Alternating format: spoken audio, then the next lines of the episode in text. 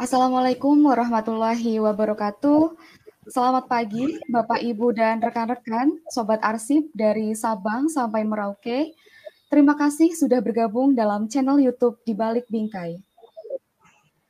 Bapak, Ibu, dan rekan-rekan sekalian, Anda sedang menyaksikan webinar publikasi kearsipan untuk ilmu pengetahuan dan peradaban.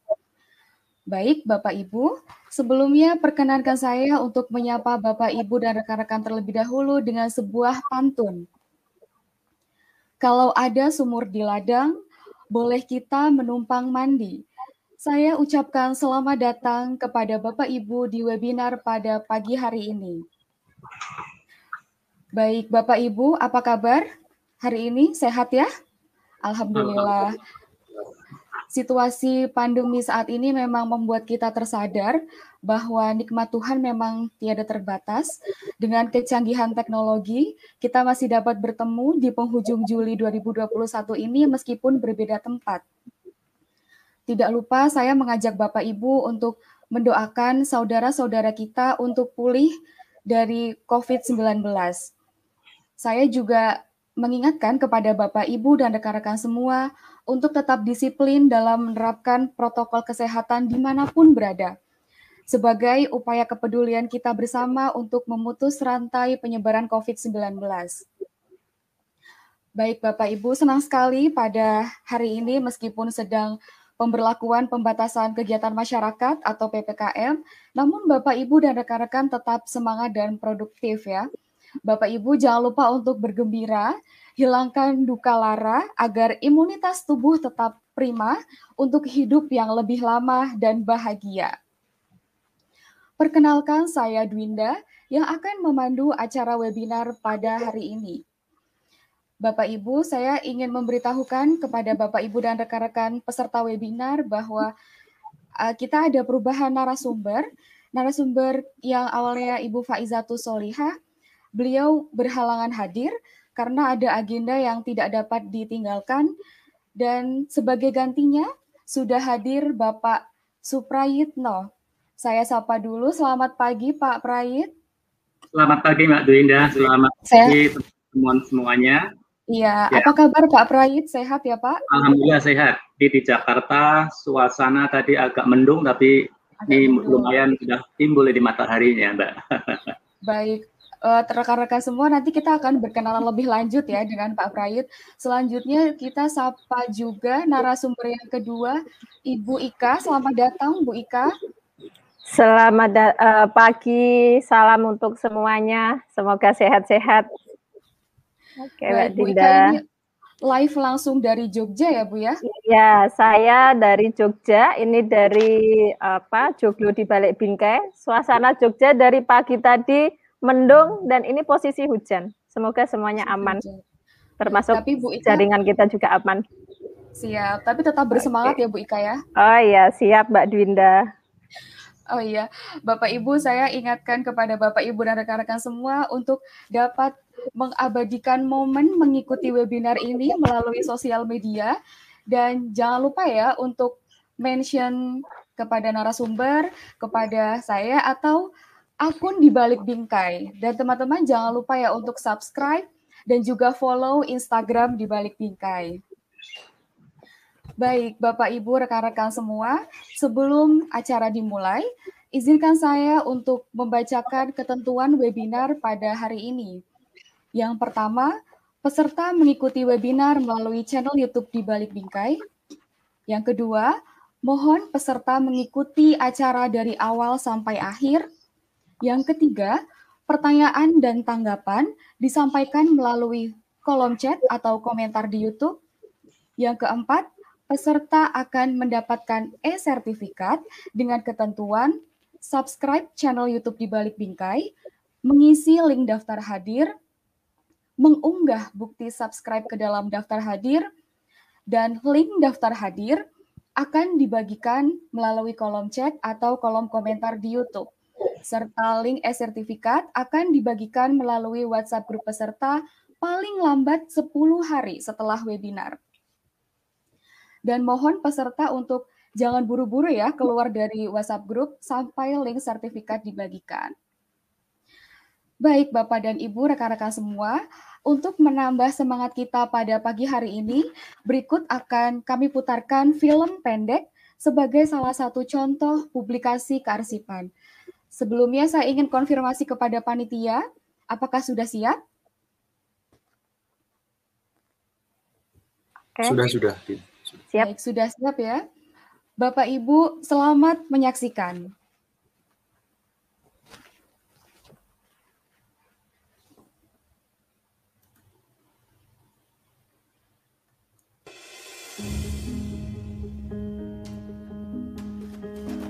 Di zaman revolusi fisik, vaksin dan biskuit menjadi suplemen untuk membangun ketahanan fisik para gerilyawan. Borobudur menjadi salah satu dari tujuh keajaiban dunia. Siapakah sosok di balik itu? Dialah Sarjito, yang namanya diabadikan menjadi nama jalan dan rumah sakit di Yogyakarta. Sarjito merupakan pejuang dan ilmuwan yang berbudaya Sarjito adalah seorang dokter yang lahir pada tanggal 13 Agustus 1891 di Magetan, Jawa Timur. Sarjito menamatkan pendidikan Sekolah Stovia di Jakarta, Fakultas Kedokteran Universitas Amsterdam, dan mendapat gelar doktor di Leiden.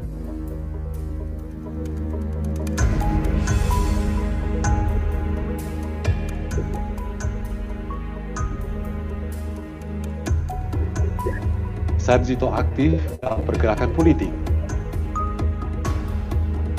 Pada tahun 1925, ia menjadi Ketua Budi Utomo Cabang Jakarta, sekaligus anggota pengurus pusat. Sarjito menjadi Ketua Palang Merah Indonesia Bandung di tahun 1945. Bangsa Indonesia pada masa revolusi fisik, Sarjito menyuplai obat-obatan untuk gerilyawan meskipun harus menembus medan perang. Di masa perang revolusi, Sarjito membuat berbagai vaksin anti penyakit infeksi untuk para pejuang dan tentara Indonesia. Ia juga menciptakan biskuit Sarjito, makanan formula penyambung nyawa para pejuang. Berkat kegigihannya, banyak pejuang Indonesia yang terselamatkan. Markas PMI Bandung dihujani bom oleh tentara Inggris dan Gurkha, namun Sarjito tetap bertahan di dalamnya dengan mempertaruhkan nyawa. Bandung menjadi lautan api. Sarjito menyelamatkan aset pendidikan dengan memindahkan Institut Pasteur ke Klaten di bawah ancaman peluru dan pertaruhan nyawa. Inilah akhirnya yang menjadi cikal bakal pendidikan di Yogyakarta. Sarjito juga memindahkan vaksin cacar dengan menorehkan vaksin ke dalam tubuh kerbau lalu digiring dari Bandung sampai Klaten. Perjuangan Sarjito mempertahankan kemerdekaan tidak hanya sampai di situ. Pasca agresi militer Belanda kedua, untuk membantu perjuangan melawan Belanda, Sarjito turut mendirikan PMI di sekitar Klaten dan Surakarta. Sarjito juga meneliti berbagai penyakit yang banyak diderita oleh rakyat Indonesia. Kalkusol sebagai obat batu ginjal menjadi dedikasi lain Sarjito untuk kesehatan masyarakat. Sarjito juga berjuang melalui pendidikan. Ia berperan dalam mendirikan dan mengembangkan UGM sebagai universitas nasional pertama di Indonesia. Selain UGM, ia juga merintis pendirian Universitas Erlangga dan Universitas Brawijaya.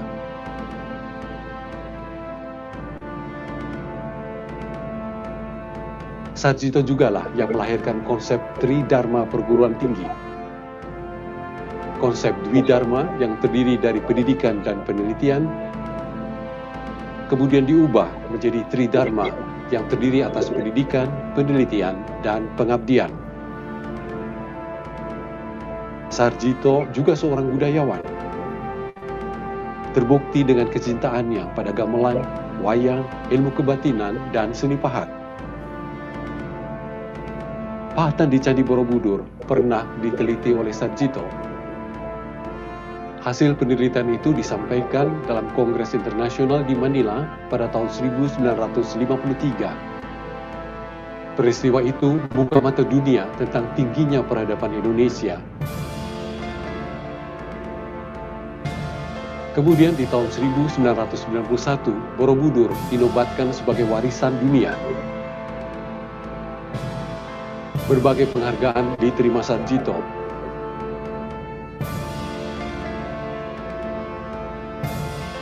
Atas jasanya dalam agresi militer Belanda 1 dan 2, ia dinobatkan menjadi pahlawan gerilya dan mendapat penghargaan Bintang Mahaputra tingkat 3 pada tahun 1970, Sarjito wafat dan dimakamkan di Taman Makan Pahlawan Kusuma Negara, Yogyakarta. Banyak warisan Sarjito yang dapat kita nikmati hingga saat ini. Di antaranya, Tridharma sebagai dasar perguruan tinggi di Indonesia, UGM sebagai pusat pendidikan,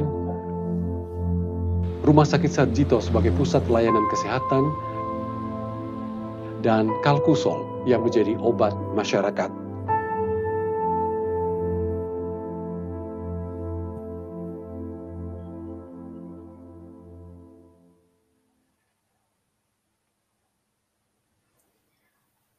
Baik, Bapak Ibu masih menyimak ya bersama kita.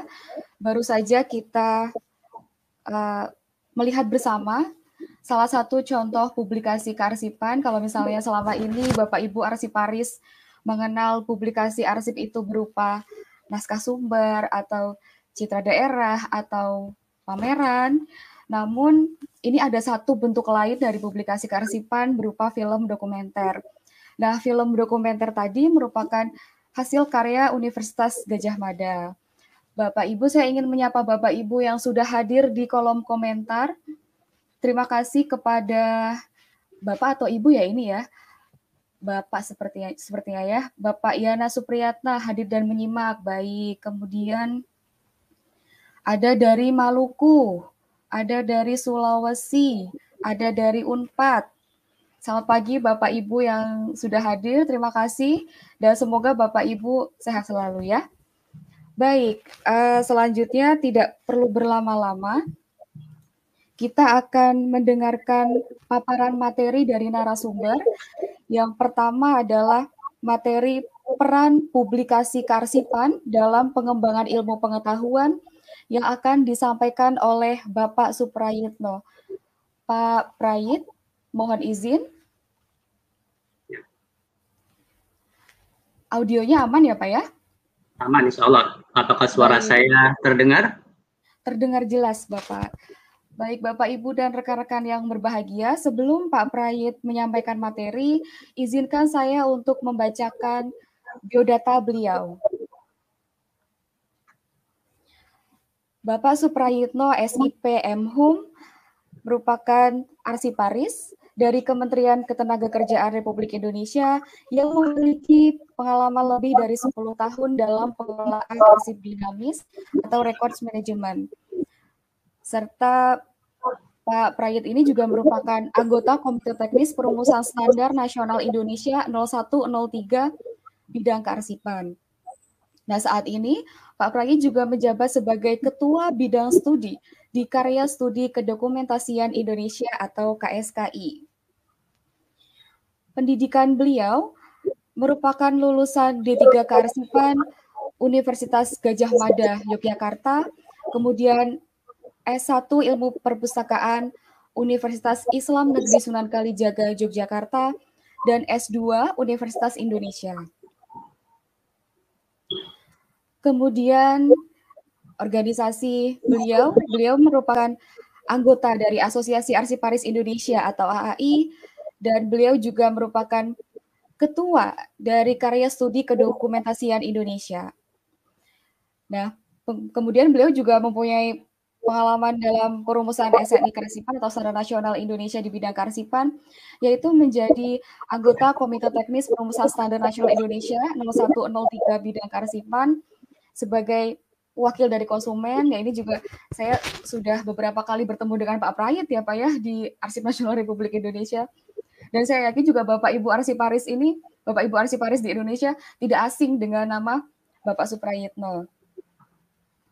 Kemudian Pak Prayit ini juga memiliki pengalaman penyusunan NSPK bidang Karsipan yang terakhir tahun 2019.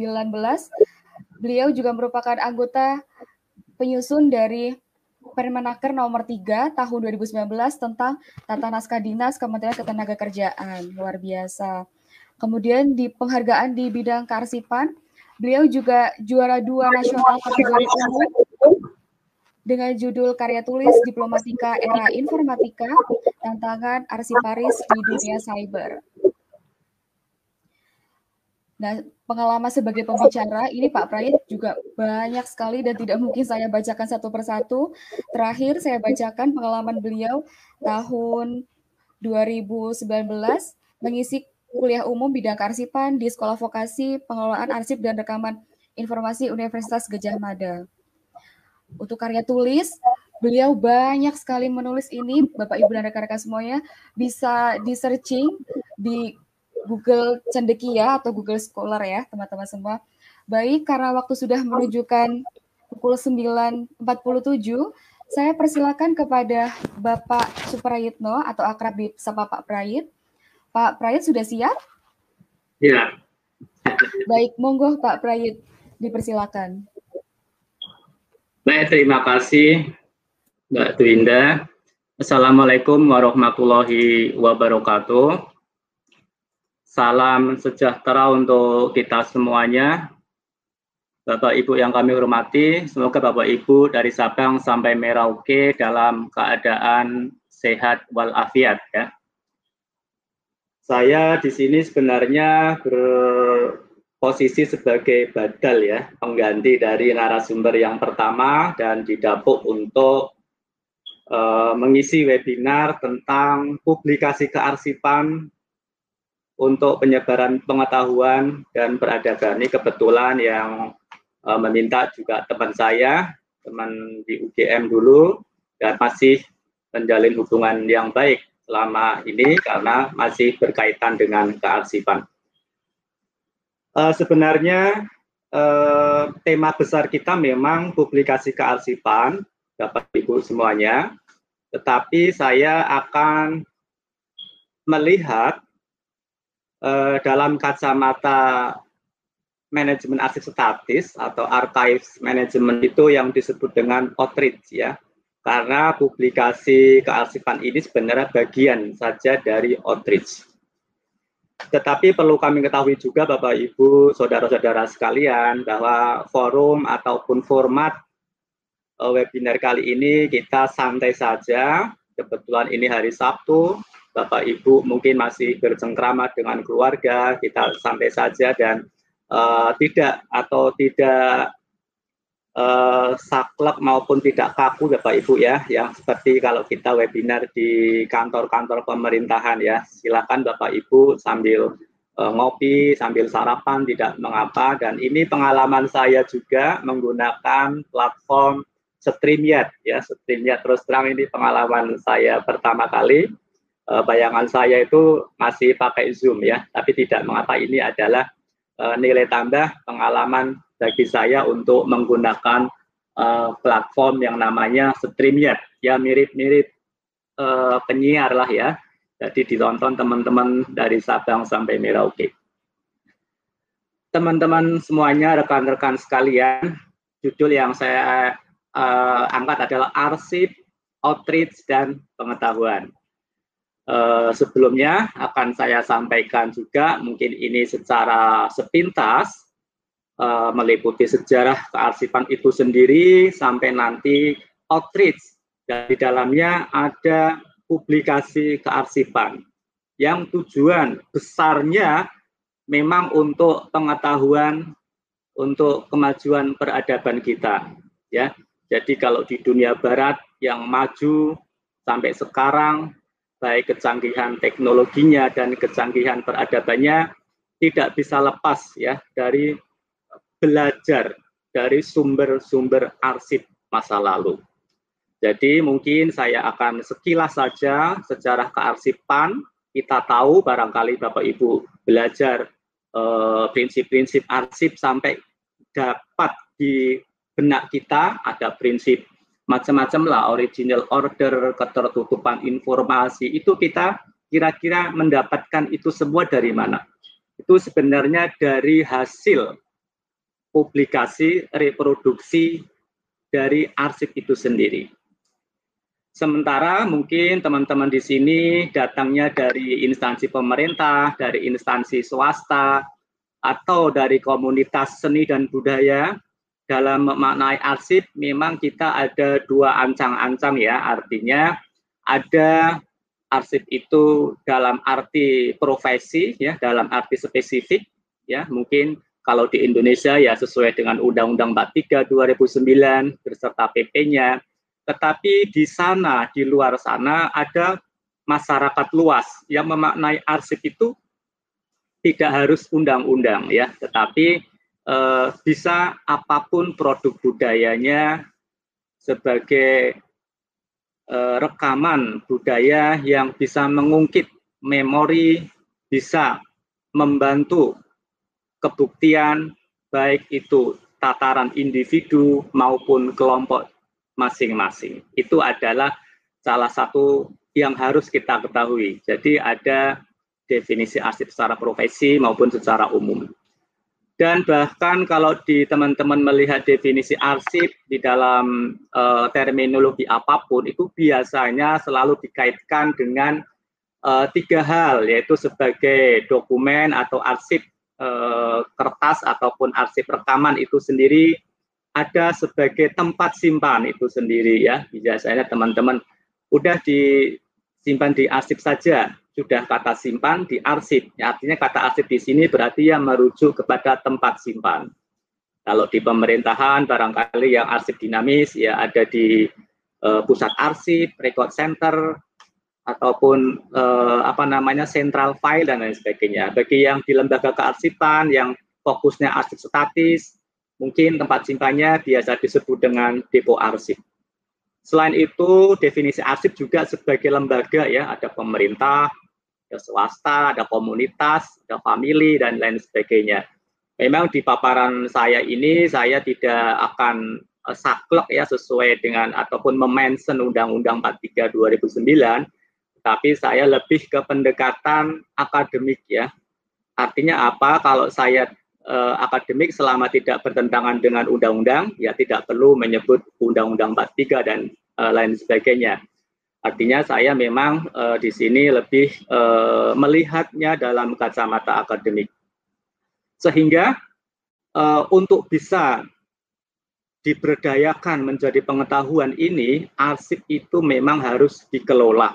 Dan pengelolaannya itu, kalau di pemerintahan ada namanya PAD, pengelolaan arsip dinamis, atau PAS, dan PAS maksud saya pengelolaan arsip statis ya. Kalau di ranah akademik di PARI, pengelolaan arsip dan rekemen informasi maupun sekolah-sekolah vokasi bidang kearsipan yang lebih banyak disebut adalah records management maupun archive administration.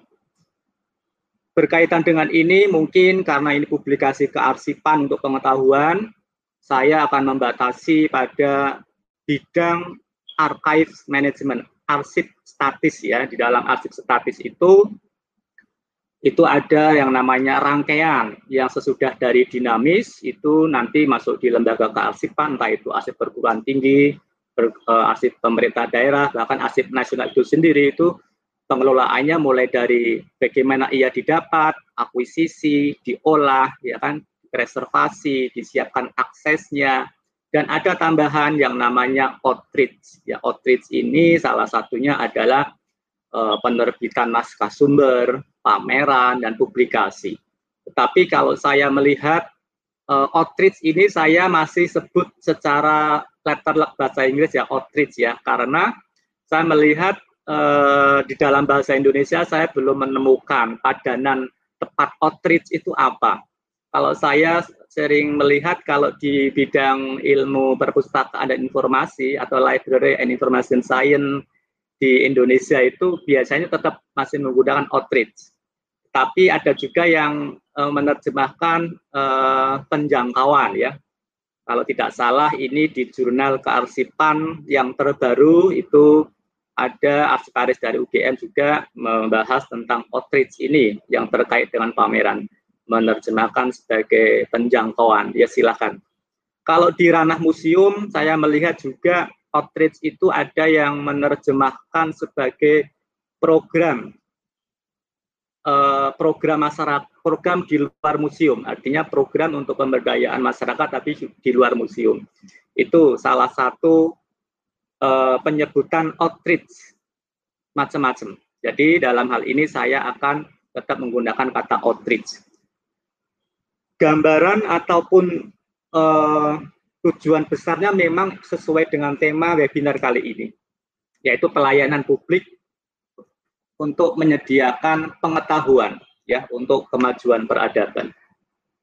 Seperti itu teman-teman. Dan mungkin akan saya sekilas juga ini adalah bagaimana lini masa sejarah uh, kearsipan ya umumnya ini di dunia barat ya karena kalau saya melihat mengapa saya mengambil ini ya karena rata-rata eh, publikasi-publikasi uh, itu ya penelitian yang paling banyak ya literatur kearsipan dunia barat ya.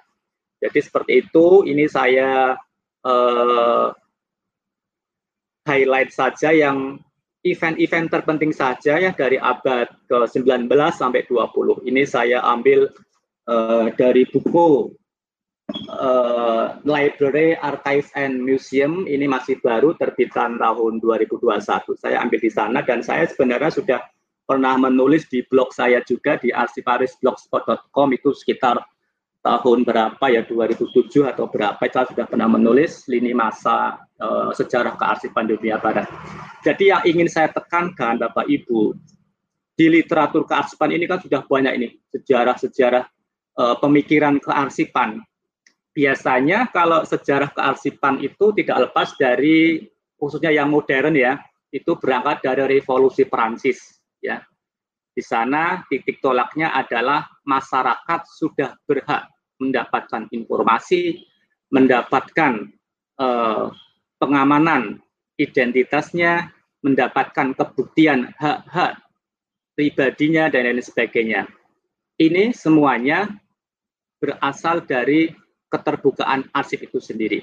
Bahkan sampai kelahiran babon atau buku babonnya kearsipan manual Belanda tahun 1898 ini saya kok apa namanya terbalik ya nulisnya beneran itu 1898 mohon maaf itu semua berangkat dari eh, sejarah Perancis itu sendiri dan sampai dengan lini masa perkembangan terakhir itu adalah kelahiran arsip internet ya. Jadi Bapak Ibu kalau misalkan menemukan web eh, tahu, eh, misalkan saya pernah menemukan web CPNS 2009 dulu diterbitkan di Depnaker websitenya. Kalau dibuka sekarang barangkali sudah hilang. Tetapi saya dulu sadar ini kalau tidak saya arsipkan diri saya sendiri pasti hilang. Makanya saya dulu sempat tatkala CPNS 2009 langsung saya crawl uh, alamat situsnya, langsung saya masukkan di arsip internet dan bisa ketemu. Nanti lini masanya bisa ketemu kapan ia diarsip. Ini adalah salah satu perkembangan yang saya tekankan mengapa kita mengetahui itu semua. Itu sebenarnya hakikatnya adalah publikasi. Publikasi itu bisa bermacam-macam bentuknya, entah itu berupa buku, ya kan, atau yang sekarang lebih eh, myriad, yaitu ya bentuk internet, publikasi internet. Nah ini yang nanti barangkali akan disambung dengan paparan dari Bu Ika yang merupakan praktisi ketua komunitas dari di balik bingkai. Bagaimana arsip itu dikomunikasikan. Nah, saya sudah menyebutkan tadi definisi arsip itu kalau secara spesifik itu adalah definisi profesi ya. Kalau di Indonesia itu arsip itu bisa dalam konteks arsip dinamis ya. Kalau internasional berarti kiblatnya adalah I, I apa namanya ISO itu sendiri yang terakhir. 1549 tahun 2016 ini kita sudah uh, kita sudah adaptasi di SNI tentang kearsipan atau arsip statis ya. Misalkan kalau pengertian dari ICA International Consular Archive adalah documentary by product of human activity retained for their long term value yaitu hasil samping dokumenter dari kegiatan peradaban manusia yang disimpan karena memiliki nilai guna keberlanjutan, nilai guna jangka panjang. Namun seperti yang saya sebutkan di sana, di luar sana itu ada orang mendefinisikan arsip itu inklusif. Ini juga saya ambil dari teoris kearsipan juga dari Sumek Kemis ya, yang terkenal dengan uh, salah satu penggagas ataupun pengembang records continuum model. Jadi kalau di Australia itu melihat arsip uh, kalau di dalam ranah akademik ya sudah inklusif yaitu meliputi uh, catatan tertulis, lisan, sastra, lanskap, tari, ya kan, seni ataupun artefak-artefak itu bisa dianggap sebagai arsip. Nah, kita arsip-arsip pemerintahan itu harus bisa memahami itu.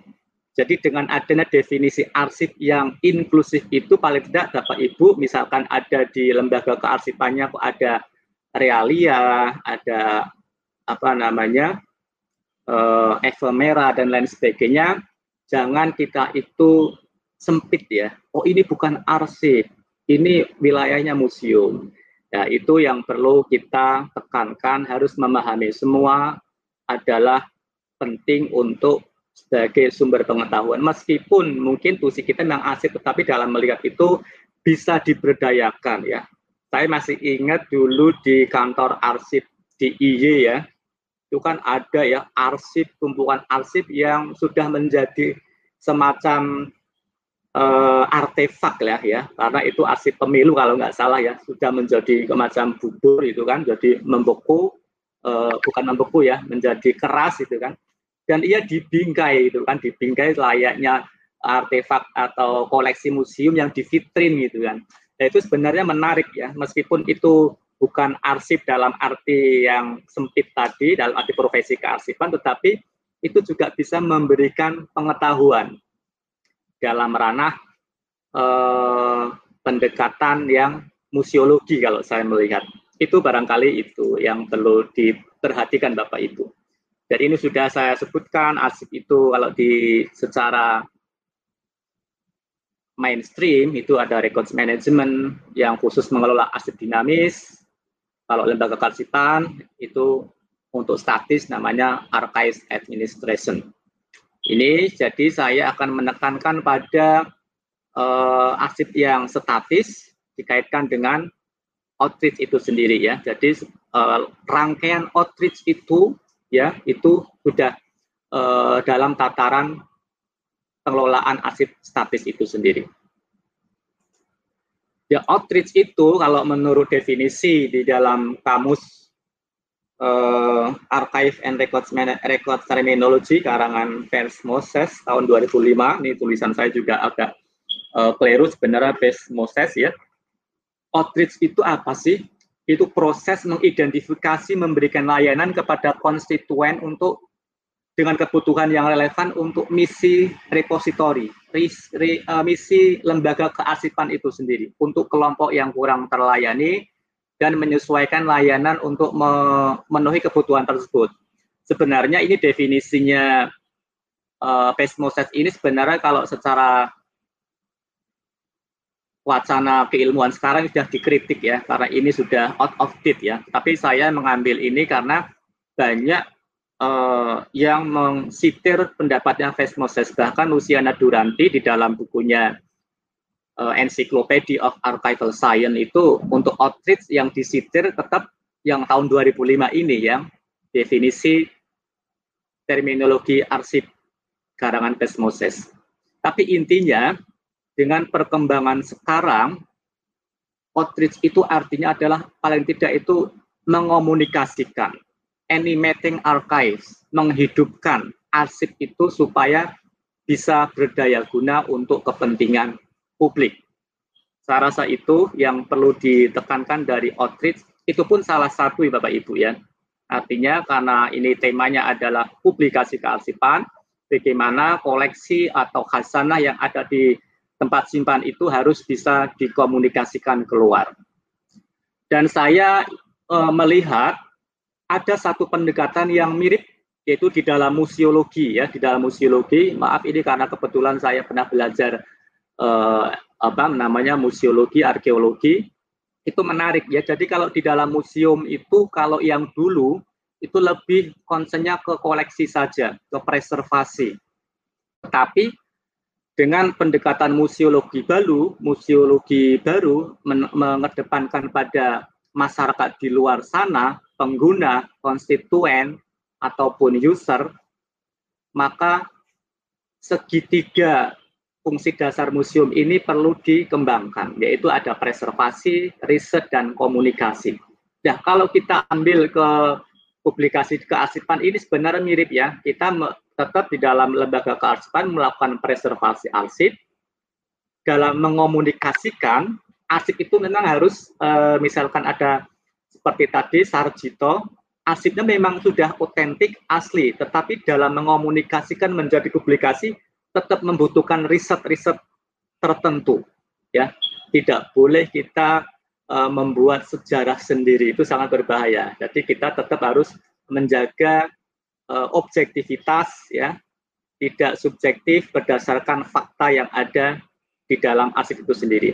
Intinya adalah sebelum uh, mengomunikasikan itu ada riset di dalamnya jadi segitiga fungsi museum itulah yang uh, saya rasa menurut pendapat saya bisa diadaptasikan di museum. Jadi ada preservasi itu sendiri, ada riset dan komunikasi dan ketiganya ini saling uh, berkaitan untuk bisa uh, menerbitkan, mengomunikasikan dalam bentuk publikasi kearsipan. Begitu juga karena ini kaitannya untuk pengembangan ilmu pengetahuan, arsiparis tidak boleh uh, enak apa namanya santai di, dengan dirinya sendiri ya. Jadi kearsipan bukan hanya untuk kearsipan itu sendiri, tetapi bagaimana kearsipan itu bisa dimanfaatkan untuk publik. Jadi saya juga mengadaptasi dari pendapat apa namanya pemikiran Van Mens, ini adalah tokoh dari museologi, uh, museologi. Itu ada tiga segitiga yang saling berkaitan, yaitu ada payung besarnya yaitu archival studies, yaitu ilmunya kearsipan, ada pelatihan yang perlu dilakukan untuk SDM-nya, ada pekerjaan praktek yang selalu kita lakukan, itulah yang nanti akan menuntut kita atau menuntut kita menjadi profesional. Tetapi profesional itu tidak hanya untuk profesional arsip itu sendiri, tapi harus menjangkau keluar. Maka di situlah ada semacam uh, segitiga kelanjutan, yaitu yang tanpa batas nantinya dia akan semacam uh, kesinambungan ada audien di sana. Jadi yang lebih penting kemaslahatannya itu adalah audien, publik, masyarakat luas. Jadi ini bisa juga dikaitkan arsip supaya bisa berkomunikasi, dikomunikasikan itu harus melibatkan peran serta masyarakat. Jadi inilah uh, disebut outreach kalau di dalam buku-buku literatur lama memang uh, ada misalkan naskah sumber, pameran, penerbitan, program radio dan televisi, tapi sekarang bisa juga dengan memanfaatkan teknologi digital ya. Kalau film memang bisa dua-duanya, tetapi sekarang harus bisa memanfaatkan teknologi digital ya. Seperti hari ini, ini selain yang film tadi di uh, kita dengar, kita saksikan juga melihat media apa yang sementara kita itu bisa melihat itu adalah dari internet ya. Pemanfaatan teknologi digital entah itu medsos ataupun platform-platform wiki atau website, YouTube, dan lain sebagainya. Sehingga publik itu bisa diajak untuk berinteraksi, bisa mengomentari, bisa secara simultan terlibat di dalamnya karena di ranah digital ini waktu dan tempat itu limitless ya tanpa batas seperti itu. Jadi outreach itu tidak terbatas pada naskah sumber yang tadi disebut oleh Mbak Dwinda, moderator yang betul. Tetapi ini saya mengambil dari bukunya Miller ya tahun 2017 itu bisa meliputi uh, lokakarya tentang genealogi ya, tentang silsilah, seminar tentang arsip-arsip pribadi. Kalau di lembaga kearsipan biasanya kalau arsip pribadi arsip tokoh ya. Tetapi di luar sana itu sebenarnya sudah ada ya arsip-arsip komunitas ya. Misalkan di Yogyakarta itu ada yang namanya IVA ya, Indonesian Visual Art Archive yang me, e, mengakuisisi arsip-arsip pekerja seni itu kan bisa juga dalam bentuk outreach-nya itu ia e, mengajak masyarakat untuk membicarakan untuk e, berdiskusi tentang arsip-arsip personal para pekerja seni dan lain sebagainya. Artinya apa? Dari lembaga kearsipan itu melibatkan kepada para pendonor kepada masyarakat luas itu adalah salah satu bentuk outreach ya. Jadi saya sebelum fokus kepada publikasi itu nanti uh, fokusnya tetap di Ibu Ika yang akan membahas tentang publikasi keasipan dalam bentuk film. Ini adalah gambaran besarnya outreach itu tidak terbatas pada itu. Bisa meliputi publikasi cetak, publikasi digital seperti guide, brosur, ya, buku-buku souvenir dan lain sebagainya sampai nanti barangkali yang saya sebut tadi ya, memanfaatkan eh, platform-platform uh, uh, medsos maupun uh, YouTube dan lain sebagainya. Itu adalah salah satu bentuk dari outreach itu sendiri. Nah, outreach ini di, di dalam bahasa Indonesia makanya belum ada padanan kata, tetapi di luar negeri sana saya melihat itu uh, ada penelitian ya. Ini juga menarik ya Bapak Ibu ya. Mungkin ini juga uh, masukan juga di lembaga kearsipan kita ya, entah itu Andi, entah itu daerah itu apa yang terkait dengan kearsipan itu mestinya ada semacam data kearsipan ya. Data kearsipan itu artinya menyediakan bahan-bahan untuk penelitian dari mulai aspek-aspek kearsipan. Ya, ini kalau di Society of American Archivists di Amerika itu uh, ada yang namanya uh, e-census ya, archival census in education ya. Menarik jadi kalau kita mau meneliti misalkan tentang uh, jumlah pengunjung arsip, museum dan perpustakaan itu perbandingannya seperti apa, arsiparis ini kecenderungannya mencari apa, tema-tema apa yang dicari itu sebenarnya harus diperhatikan ya di sini saya melihat outreach ya. Outreach itu dimension di Asensus ya, itu juga menarik ya. Jadi ini meskipun survei tahun 2004 ya, meskipun lama, tetapi ini juga sudah dimention juga di Encyclopedia of Archival Science ya, tahun 2000 berapa ya, 15 berapa ya. Itu juga menyitir ya, e-sensus ini meskipun ini tahun 2004. Artinya apa? Kegiatan outreach ini uh, menurut responden arsiparis di Amerika ini hanya 6,5 persen waktu yang uh, digunakan oleh arsiparis. Jadi sedikit ya. Karena apa memang ini perlu di-mention juga tidak kalah pentingnya dengan eh, fungsi-fungsi uh, kearsipan lainnya.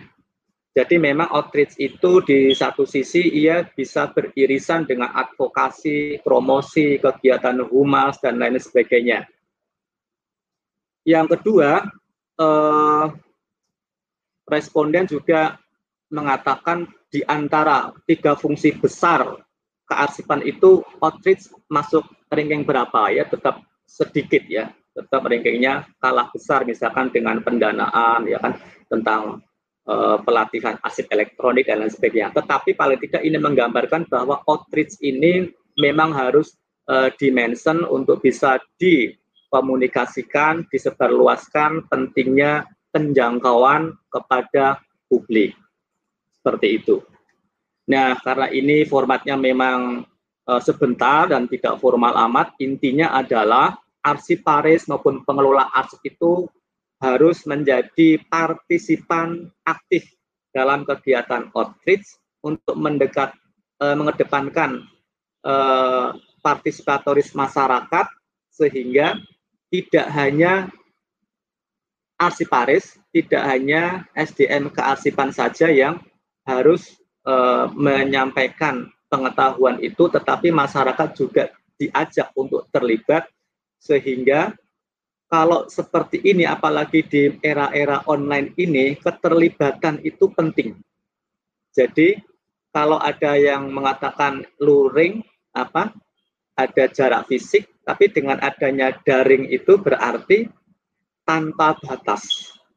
Jadi masyarakat bisa terlibat di dalamnya sehingga apa? Kalau kita sudah terbiasa melakukan outreach itu menurut uh, Miller, ini sebenarnya saya juga dari Miller juga, itu bisa mengurangi stereotip arsip yang selama ini dikesankan sebagai artefak yang bisu dan berdebu. Sehingga dengan outreach kita bisa mengomunikasikan animating archive sehingga bisa untuk menjadikan sumber pengetahuan dan peradaban itu barangkali yang sebagai pengantar secara teori, nanti prakteknya pasti akan kita berbagi pengetahuan juga dengan Bu Ika selaku ketua pan, ketua komunitas di Balik Bingkai. Dan saya salut sekali karena ini jarang ya artinya teman-teman ini aktif maupun kreatif dalam mengomunikasikan arsip itu kan biasanya tergantung dari lembaga itu sendiri. Tapi kalau Bu Ika ini, saya melihatnya ya sudah bisa membuat komunitas sendiri dan itu sumbernya dari arsip itu sendiri. Ya dikemas sedemikian rupa sehingga bisa menarik pengunjung untuk memantik uh, kesejarahan untuk ilmu pengetahuan. Saya rasa itu untuk sementara ya mungkin bisa dilanjutkan dengan uh, materi selanjutnya yang fokus kepada publikasi kearsipan. Terima kasih eh, saya ucapkan dan saya kembalikan ke moderator Mbak Dinda. Monggo, terima kasih.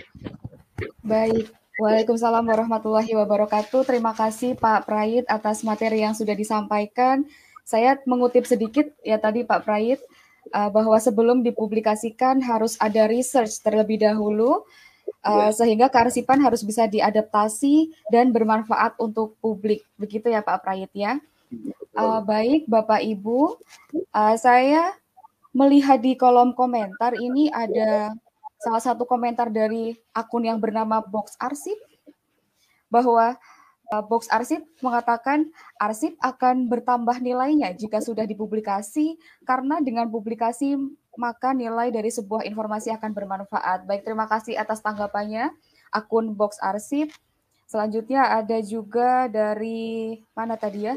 Bapak Gunadi Darya mengatakan uh, oh masih menyimak walau jaringan tidak bagus. Baik, terima kasih Bapak sudah menyimak. Teman-teman jika ingin menyampaikan tanggapan, komentar, bisa langsung di kolom komentar di chat YouTube ya.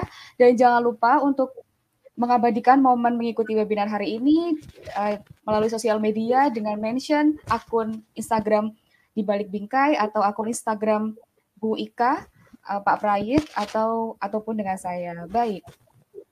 Bapak Ibu kita lanjutkan materi berikutnya. Materi berikutnya akan disampaikan oleh narasumber kita yang kedua, Ibu Muslihah, Bu Ika. Selamat pagi Bu Ika, masih bersama kita ya di sini. Oke, selamat pagi Mbak Dwinda. Selamat pagi Bu Ika. Di Jogja masih hujan Ibu atau sudah?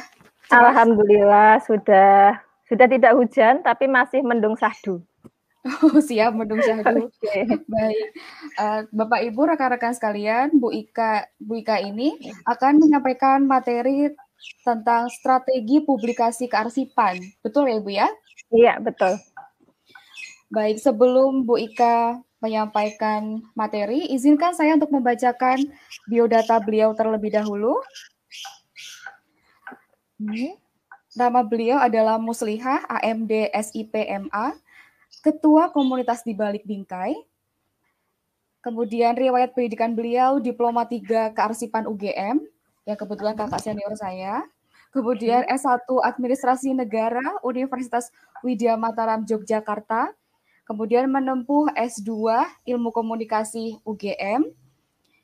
Dan riwayat pekerjaan beliau sekarang uh, beliau menjadi arsiparis di Arsip Universitas Gajah Mada sekaligus menjadi tim oral history penanganan pandemi COVID-19 di UGM. Penghargaan yang sudah didapat beliau antara lain ini yang terakhir adalah juara dua arsiparis teladan nasional pada tahun 2017 yang diselenggarakan oleh Andri. Karya-karya beliau ini sudah banyak sekali ya teman-teman arsiparis tentu tidak asing juga dengan nama Musliha ini sama dengan Pak Suprayitno tadi. Antara lain itu yang pertama ada buku Bunga Rampai Kearsipan ya kebetulan saya juga sudah punya bukunya. Terima kasih Bu Ika. Oke, terima kasih. Kemudian, nah film-film dokumenter ini juga yang kekinian yang telah diupload di uh, channel YouTube di balik bingkai itu juga merupakan hasil karya dari Bu Ika. Baik Bu Ika, waktunya 30 menit untuk menyampaikan materi. Sudah siap Ibu? Oke, siap Mbak Dwinda. Baik, monggo Bu Ika dipersilakan. Okay. Baik, eh, terima kasih. Selamat pagi. Eh, salam sejahtera kepada untuk kita semua. Assalamualaikum warahmatullahi wabarakatuh. Eh, ini terima kasih sekali ini eh, hari ini ternyata banyak sekali teman-teman yang bisa bergabung meskipun hari libur gitu ya dalam masa ppkm ya sudah kita ngumpul di sini sharing-sharing mungkin sambil nanti kita nonton sedikit-sedikit gitu ya intinya kita uh, senang bisa kumpul, bisa sharing bareng. Semoga nanti ada apa manfaat yang bisa kita ambil. Uh, baik, uh, sebelumnya saya ucapkan terima kasih juga untuk Mbak Dwinda, untuk Mas Prayit, juga untuk teman-teman dari Prodi Pari uh, Sekolah Vokasi UGM atas kolaborasinya hingga webinar pada pagi hari ini uh, dapat kita laksanakan menyambung tadi apa yang sudah disampaikan oleh Mas Prayit, uh, untuk ini saya akan uh, sharing tentang uh, bagaimana uh, atau strategi melakukan publikasi kearsipan. Oke, izin saya share screen dulu ya.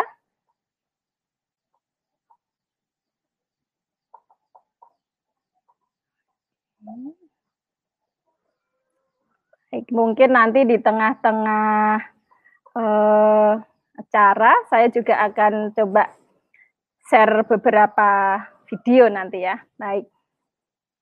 Uh, kita tahu bahwa orang banyak sekali mengeluh bahwa arsip itu kurang kurang dihargai atau arsip kurang diapresiasi. Saya rasa itu bukan sepenuhnya kesalahan orang yang tidak mengapresiasi atau orang yang tidak menghargai arsip atau dunia kearsipan, tetapi ada juga peran kita, peran orang-orang yang di dalam kearsipan itu sendiri. Ketika kita kurang memberikan manfaat atau kita kurang menunjukkan eksistensi kita, maka sangat wajar ketika orang atau dunia lain itu uh, kurang menghargai atau mengapresiasi kearsipan. Nah, sebenarnya tadi sudah disampaikan ada teman-teman nih yang sudah menyampaikan tanggapan publikasi kearsipan ini bagian dari penting untuk menunjukkan eksistensi arsip. Iya, bahwa melalui publikasi kearsipan atau melalui kegiatan diseminasi arsip melalui publikasi kearsipan inilah kita bisa memberikan manfaat yang lebih luas atau kita bisa memberikan sentuhan manfaat kepada publik. Ya, jadi kalau selama ini kita mungkin orang-orang yang di kearsipan konsentrasinya, rutinitasnya masih sibuk di dapur, ya, yang uh, uplek atau uh, banyak bersentuhan dengan arsip yang identik dengan tumpukan kertas-kertas ya, apalagi kertas-kertas yang lama gitu. Sehari-hari mengolah, mengolah, mengolah, mengolah gitu. Ya, ini merupakan bagian tugas pokok dari bidang kearsipan, tetapi jangan lupa setelah diolah, nah Sebenarnya hasil olahan kita itu harta karun. Sebenarnya ketika selesai mengolah sudah disimpan seperti ini bukan berarti prosesnya sudah selesai. Ya, kalau kita hanya berhenti sampai di sini, maka eh, anggapan atau paradigma bahwa arsip tidak begitu urgent, arsip tidak begitu penting, ya selamanya akan seperti itu. Orang tidak akan mengerti siapa kita, orang tidak akan mengerti apa itu arsip, orang tidak akan peduli dengan arsip karena kita tidak memberikan manfaat kepada mereka. Nah, mari kita ubah paradigma kita bahwa sebenarnya yang dimiliki teman-teman di lembaga kearsipan, khasanah arsip ini adalah harta karun. setelah diolah, dideskripsi, dimasukkan box arsip, disimpan di roll OPEC atau di rak arsip, lanjutkan dengan melakukan diseminasi informasi arsip itu melalui berbagai program publikasi kearsipan. Jadi jangan hanya berhenti sampai di sini. Nah, yang saya khawatirkan adalah ketika uh, entah central file atau record center atau lembaga kearsipan cukup berbangga berhenti sampai ketika sudah diolah ini loh roll OPEC saya saya punya khasanah misalnya 1000 meter linear. Iya, Anda punya, tapi apa manfaatnya kepunyaan Anda itu untuk saya? Nah, mari kita berangkat untuk memberikan kemanfaatan kepada publik melalui khasanah arsip yang dimiliki. Supaya eh, arsip itu bisa memberikan manfaat, maka program publikasi kearsipan ini eh, perlu untuk eh, dilakukan memang biasanya yang concern melakukan program-program publikasi kearsipan atau istilah Pak Prayet tadi menyebutnya outreach ya, outreach itu lebih luas sebenarnya. E, artinya program-program bagaimana memberikan informasi arsip dan kearsipan kepada publik itu banyak sekali ragamnya. Tapi sayang memang untuk di tempat kita, di negara kita, publikasi kearsipan itu masih identik dengan eh, apa namanya ya kegiatan-kegiatan yang disampaikan Mbak Dinda tadi. Mungkin eh, naskah sumber citra arsip daerah atau pameran arsip. Ya ini eh, saya kutipkan dari Pak Sauki Hadiwardoyo karena saya eh, seperti yang disampaikan Pak Prayet tadi sulit sekali mencari literatur kearsipan yang diterbitkan oleh uh, pakar dari Indonesia. Ya. Jadi memang uh, yang saya temukan itu ya Pak Sauki ini termasuk suhunya arsip ya almarhum Sauki ini. Jadi memang uh, minim sekali literatur untuk mencari publikasi kearsipan. Kebetulan tesis saya ketika saya ambil S2 komunikasi di UGM, tesis saya mengambil tentang publikasi kearsipan. Jadi saya mencoba mengkawinkan atau mengkombinasikan antara kearsipan. Kebetulan saya dulu dari D3 Arsip, kemudian bekerjanya juga di lembaga kearsipan. Kemudian saya S2-nya ambil komunikasi. Maka saya mulai berpikir arsip ini harus disampaikan kepada publik. Maka harus ada strategi-strategi yang eh, dilakukan untuk mendesiminasikan informasi arsip ini. Bagi saya, setelah mempelajari komunikasi, ya publikasi kearsipan itu boleh dikatakan komunikasi kearsipan berbagai cara, berbagai metode yang harus dilakukan untuk menyampaikan informasi kearsipan atau informasi yang berbasis arsip kepada publik. Ya, publikasi kearsipan sama dengan komunikasi kearsipan. Nah, selanjutnya adalah bagaimana kita merancang strategi publikasi kearsipan. Apakah saat ini masih cukup kita dengan ya melakukan program publikasi kearsipan dengan cara-cara yang mungkin turun temurun seperti itu gitu hasil riset saya eh, sebenarnya publikasi kearsipan itu sudah dikembangkan sejak zaman kolonial dan yang pertama kali dikembangkan itu adalah naskah sumber. Jadi publikasi kearsipan di kita ini banyak diwarisi uh, dari uh, masa kolonial naskah sumber itu. Apakah ini uh, efektif? Efektif untuk beberapa uh, lapisan masyarakat, misalnya untuk sejarawan, untuk peneliti, untuk para dosen. Naskah sumber masih efektif, tetapi untuk kita tidak ingin bahwa arsip ini hanya dinikmati untuk kalangan eksklusif uh, akademis saja, tapi kita juga ingin nih masyarakat yang awam juga mendapatkan manfaat dari arsip. Maka strategi publikasi kearsipannya tidak hanya bisa dengan naskah sumber saja. Perlu cara-cara lain yang lebih friendly, yang lebih menyenangkan, tetapi esensi kearsipan tetap dengan tadi yang disampaikan oleh Pak Prayet, harus ada metodologi, harus ada riset yang menjamin otentisitas dari informasi itu. Kita tidak bisa menyampaikan sesuatu dengan mengarang atau merekonstruksi informasi sendiri atau merekonstruksi sejarah sendiri ya. Nah, yang eh, strategi atau cara-cara yang perlu kita lakukan pertama memang kita perlu memastikan bahwa sumber atau arsip-arsip yang kita miliki itu selamat. Ya, mengolah arsip, melakukan penataan arsip, pemberkasan arsip, mendeskripsi, membuat daftar menyimpannya, Itu langkah wajib yang harus dilakukan. Jadi saya katakan juga tidak mungkin Anda bisa melakukan publikasi kearsipan ketika belum melewati tahapan penyelamatan arsip ini. Ya, jadi apa yang mau diberikan kalau arsipnya aja hilang? Apa yang mau dipamerkan kalau arsipnya saja nggak tahu tersimpan di mana, gitu ya? Jadi langkah awal ya penataan arsip atau menyelamatkan arsip itu sendiri harus dilakukan.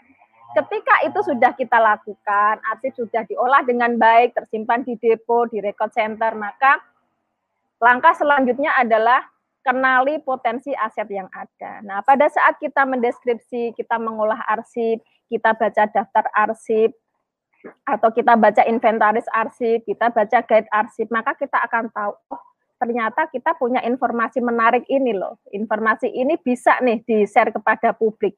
Ini bisa memberikan manfaat. Ini bisa untuk menguatkan pengembangan ilmu pengetahuan. Di mana ilmu pengetahuan ini nanti juga akan mendorong munculnya peradaban-peradaban baru.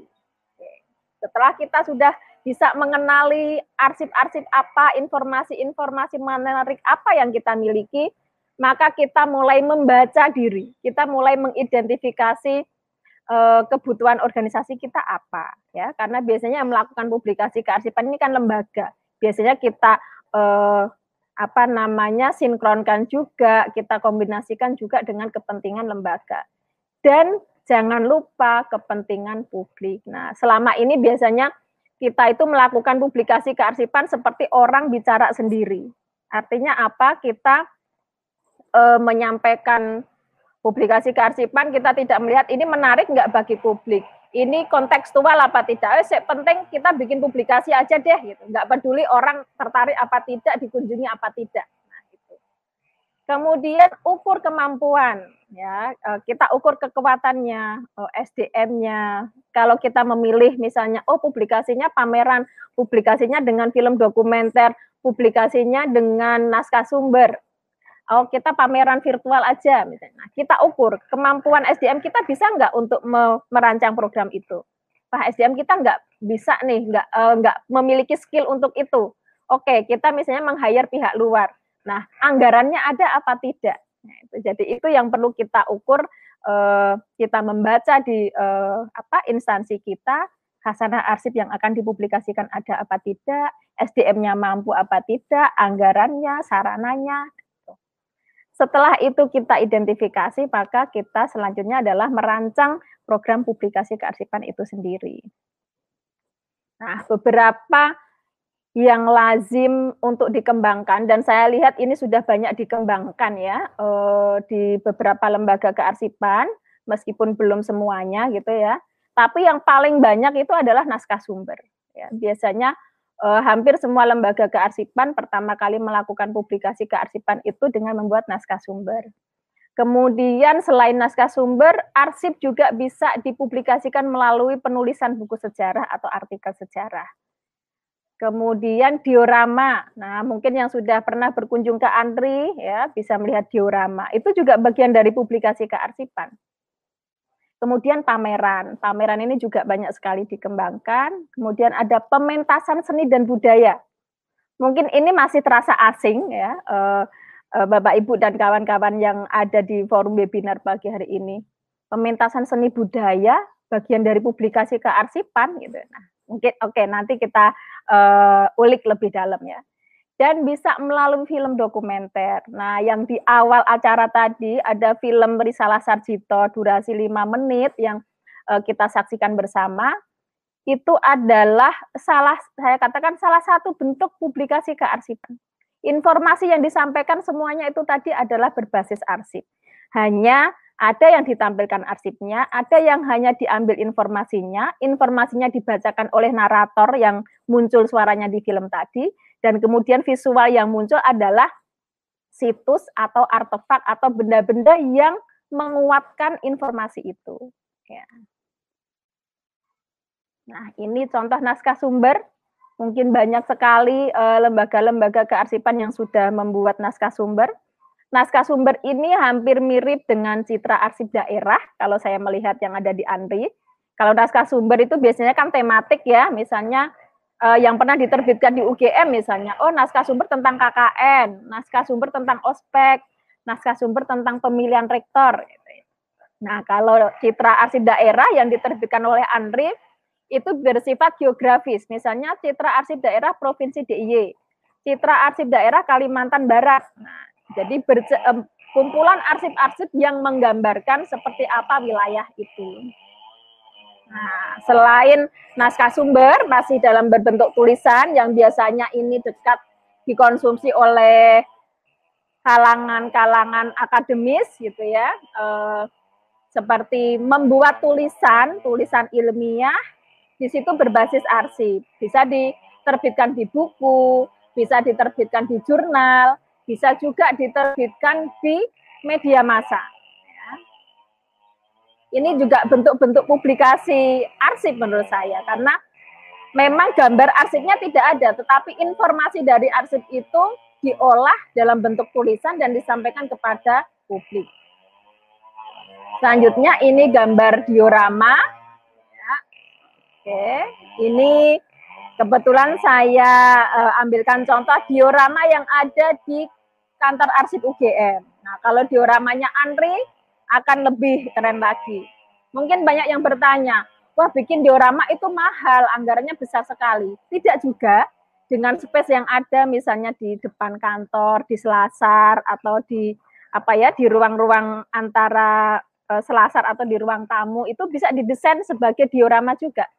Ya, jadi di, uh, dibikin outline gitu, misalnya uh, satu space ini bercerita fase apa, space berikutnya bercerita apa. Gitu.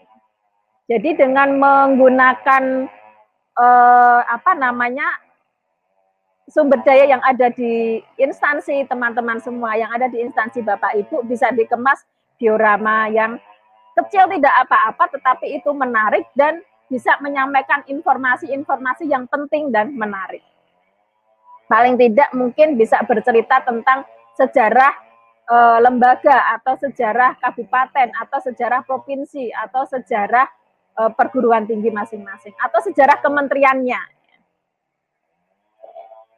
Selanjutnya pameran. Nah, ini banyak sekali, saya rasa hampir semua lembaga kearsipan pernah pameran. Kalau di Pemda, baik tingkat kabupaten, kota, atau provinsi, biasanya dalam rangka ulang tahun Pemdanya, itu kan ada event pameran masing-masing dinas. Nah, biasanya eh, lembaga kearsipan juga melakukan pameran di situ. Sama ini eh, seperti kantor arsip UGM juga begitu dalam uh, acara Dies Natalis UGM biasanya ada event pameran, di situ juga ada pameran arsip. Tapi apakah cukup di sini? Seharusnya tidak. Karena menurut pengamatan saya, pameran di forum-forum seperti ini biasanya juga masih sangat terbatas. Terbatas apa? Terbatas yang berkunjung ya orangnya sendiri. Misalnya eh, perguruan tinggi yang berkunjung ya orang-orang perguruan tinggi masih sivitas akademika itu sendiri belum mampu menjangkau publik secara luas. Untuk itu sebenarnya perlu dikembangkan inovasi-inovasi strategi pameran. Jadi pameran itu tidak harus uh, selalu di ruangan, bisa di tempat umum. Bisa juga pameran itu tidak bersendiri. Misalnya uh, ada event apa, kita datang kita ikut pameran arsip di situ. Nah, untuk sekarang di masa pandemi seperti ini, pameran virtual juga sangat menarik untuk dikembangkan. Ini misalnya eh, contoh pameran yang eh, apa namanya insidental. Jadi kita tidak harus eh, dalam pameran besar yang gabungan beberapa stand gitu ya. Ini yang ada contoh misalnya ada seminar.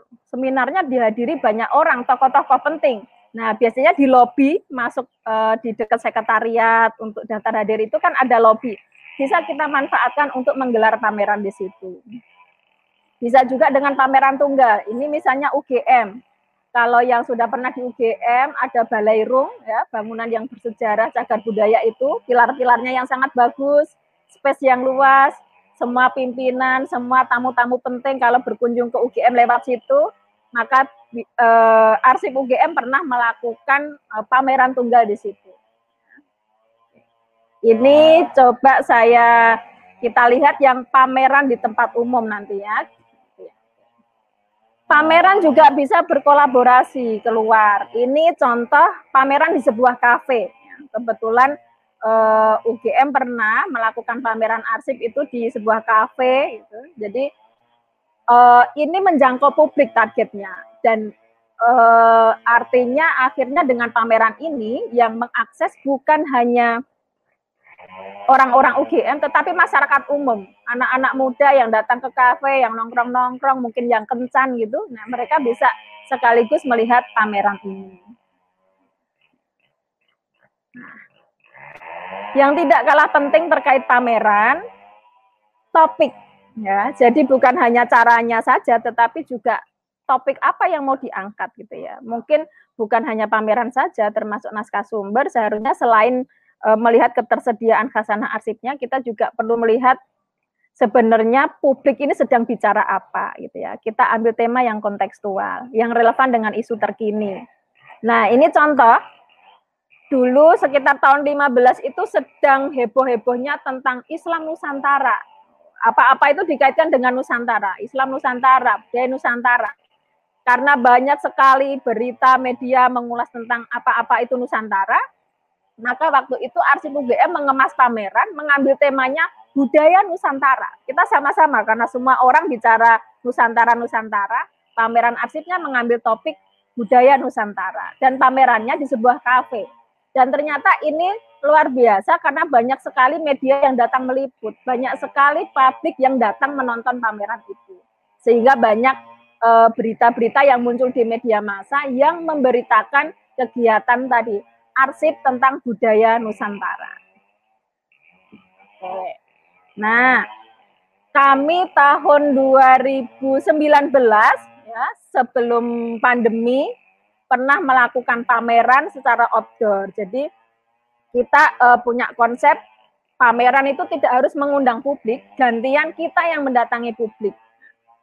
Biasanya kan di uh, kalau di Jakarta mungkin ada Car Free Day, di Jogja pun juga ada di Jalan Mangkubumi di dekat Tugu Yogyakarta itu kalau hari Minggu biasanya banyak orang berkumpul di situ, orang olahraga, orang nongkrong-nongkrong, maka kami melakukan pameran di situ. Kami izin dengan uh, polsek setempat untuk melakukan pameran arsip dan fotografi. Dan uh, luar biasa di situ, uh, artinya apa orang masyarakat umum, ada anak kecil sampai orang tua yang nongkrong-nongkrong di Tugu kemudian mampir melihat pameran. Pamerannya hanya sebentar pagi sampai jam 10 tetapi kita rasa itu cukup uh, efektif juga untuk mengenalkan arsip, mengenalkan informasi arsip kepada publik. Jangan lupa juga dalam setiap uh, pameran kita perlu memberikan sentuhan seni. Sentuhan seni artinya uh, contoh di pameran yang kami gelar di 2019 ini, di situ kita juga menampilkan gamelan. Waktu itu kami disupport oleh PK4 LUGM, tim karawitan teman-teman PK4 LUGM itu uh, pentas karawitan di lokasi pameran kami. Cek, halo Mas Rizky, bisa ditampilkan liputan yang pas pameran? Iya. Oke, ini coba kita lihat seperti apa sih gambarannya ketika pameran outdoor. Silahkan kita lihat dulu.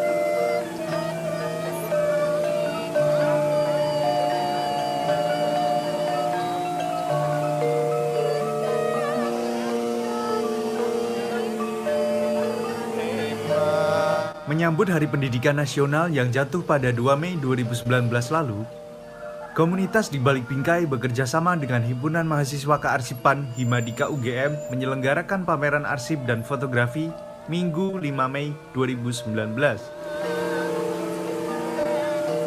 Kegiatan ini berlokasi di kawasan Tugu, Yogyakarta. Perkembangan pendidikan di Indonesia cukup tergambar dengan materi pameran yang disajikan. Kegiatan Anda ini mengingatkan saya pada masa-masa yang lalu dan saya tertarik untuk mencocokkan antara apa yang dialami oleh kakak saya dan orang tua saya dengan keadaan sekarang dengan Anda yang mahasiswa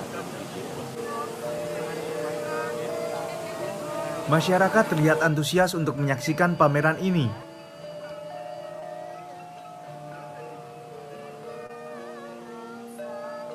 Tidak hanya pameran arsip dan fotografi, terdapat art perform congkean yang ditampilkan oleh tim keamanan kampus UGM.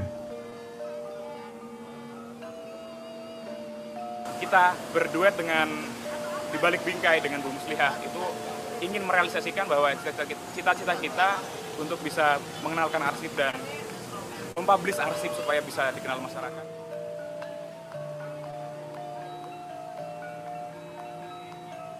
Arif Mugu, Febri Hariwaspodo, Dwi Rizkiansyah melaporkan untuk di balik bingkai.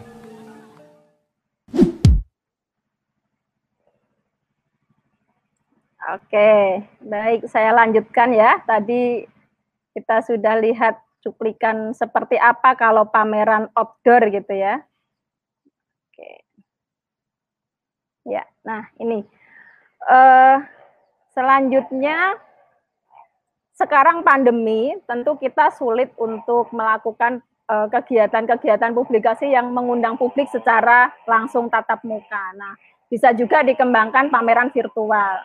Saya lihat Andri sudah beberapa kali melakukan pameran virtual, begitu juga di UGM juga sudah beberapa kali melakukan kegiatan pameran virtual. Prinsipnya hampir sama, hanya media penyampaiannya bukan arsip direpro kemudian dipajang, tetapi arsip di scan atau di alih media, kemudian softwarenya itu di layout dan ditampilkan e, melalui website atau bisa dilihat secara e, online atau daring. Ya. Nah, selanjutnya selain e, pameran, ini kami khususnya teman-teman di balik bingkai mencoba menawarkan satu alternatif gitu ya yang mungkin belum banyak dikembangkan di Indonesia publikasi kearsipan melalui film dokumenter. Jadi eh, sejak 2019 kami mencoba membuat salah satu film dokumenter ya segera yang di situ berbasis arsip gitu ya. Kemudian ini kami lonceng di tahun 2020.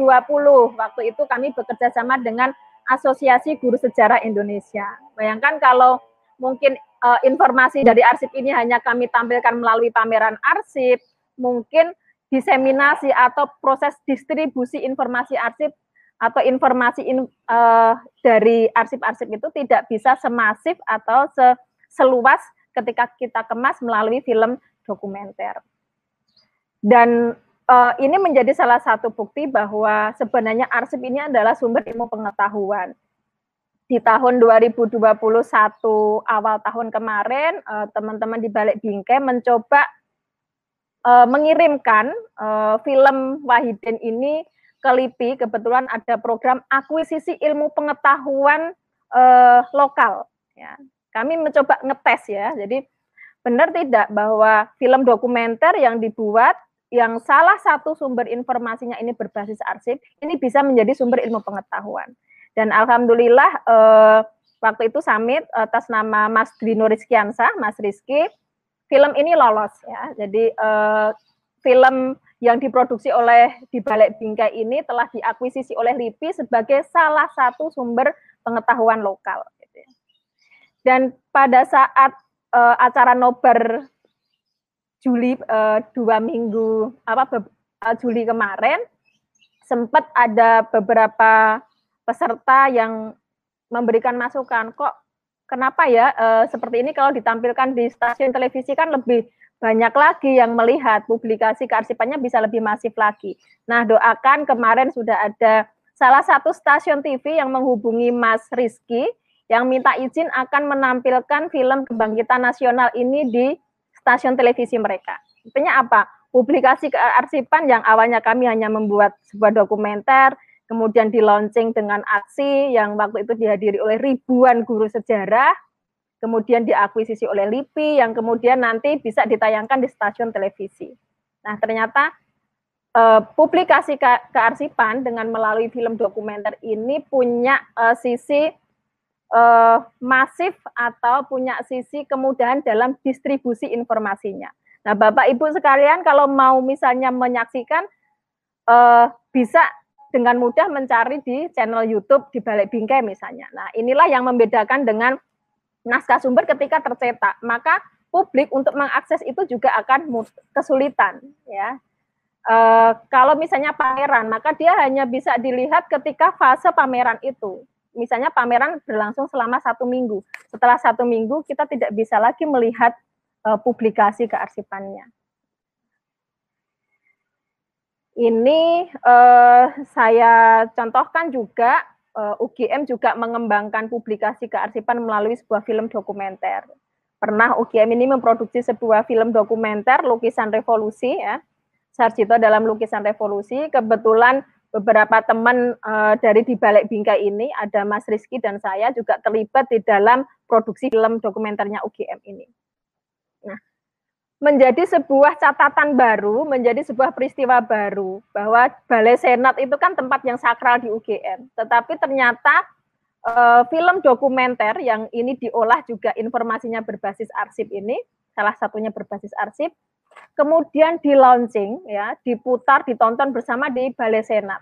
Ini yang melonceng itu di, nah ini mungkin bisa terlihat itu ada Pak Rektor, didampingi ada Dewan Guru Besar, ada Wakil Rektor, Eh, pimpinan-pimpinan di UGM melonceng uh, sebuah film dokumenter yang itu merupakan salah satu dari uh, bentuk publikasi kearsipan. Nah, mungkin kalau apa namanya uh, bukan dalam format seperti ini, kita sulit menjangkau event-event yang uh, mampu menjangkau publik secara luas. Nah, film dokumenter ini kalau saya katakan kelebihan publikasi kearsipan dalam bentuk dokumenter ya kalau untuk uh, tercetak tadi kan biasanya segmentednya adalah untuk akademisi atau peneliti ya. Jadi memang punya keunggulan masing-masing. Nah, kalau film dokumenter ini bisa menjangkau segmen yang lebih luas ya. Mudah dan ekonomis diseminasinya. Begitu selesai dibuat, diupload di YouTube, semua orang bisa mengakses, bisa nonton ya. Kemudian uh, karyanya juga bisa bertahan lebih lama, berbeda dengan tadi misalnya pameran, maka dia hanya berlangsung satu minggu atau satu bulan, setelah itu susah untuk dinikmati lagi. Mungkin Mas Rizky bisa dibantu untuk menampilkan contoh bagaimana diseminasi uh, hasil publikasi kearsipan berupa film dokumenter ini. Saya contohkan film Sarjito dalam lukisan revolusi ini melalui sebuah dokumenter bisa disaksikan oleh dari masyarakat awam, eh, pelajar ya sampai di level pejabat gitu ya. Banyak yang kemudian bisa menikmati hasil dari publikasi kearsipan ini. Cek Mas Rizky.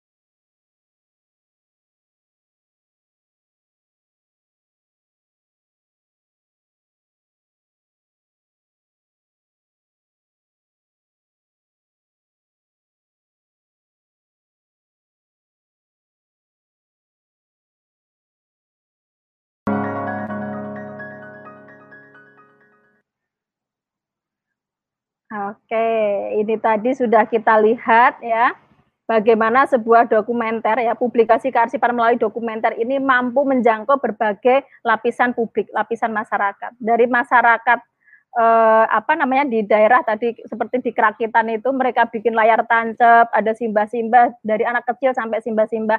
Akhirnya bisa menikmati sebuah karya publikasi kearsipan. Mungkin mereka nggak mungkin datang eh, apa namanya melihat pameran arsip atau mereka membaca naskah sumber gitu ya. Oke, saya lanjut.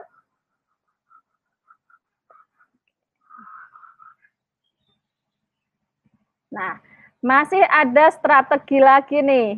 Eh, nah, ini mungkin belum banyak dikembangkan juga, tetapi eh, kebetulan uh, saya uh, selaku bekerja di UGM juga Mas Rizky ya, di balik bingkai di sini kebetulan juga bekerja di UGM pernah mencoba berkolaborasi dengan seniman. membuat sebuah publikasi kearsipan melalui pementasan seni dan budaya. Nah, di gambar ini mungkin uh, ada beberapa yang sudah kenal. Ini adalah Den Baguse Ngarso, seniman atau budayawan yang sangat terkenal dari Yogyakarta. Beliau ini sampai beberapa kali datang ke kantor arsip, berdiskusi dengan kami, mempelajari arsip, ya, mempelajari arsip, mencari informasi-informasi arsip yang digunakan untuk membuat sebuah naskah pementasan ketoprak. Jadinya seperti ini ya. Selama beberapa bulan itu beliau me, membaca arsip, kami berikan beberapa soft file ya atau fotokopi dari arsip, dipelajari, kemudian dituangkan dalam sebuah naskah ketoprak. Jadi ini dibuat setelah ada film dokumenter Sarjito dalam lukisan revolusi ya. Jadi arsip dibuat publikasi melalui film dokumenter. Setelah itu coba ditampilkan informasinya melalui sebuah pementasan ketoprak.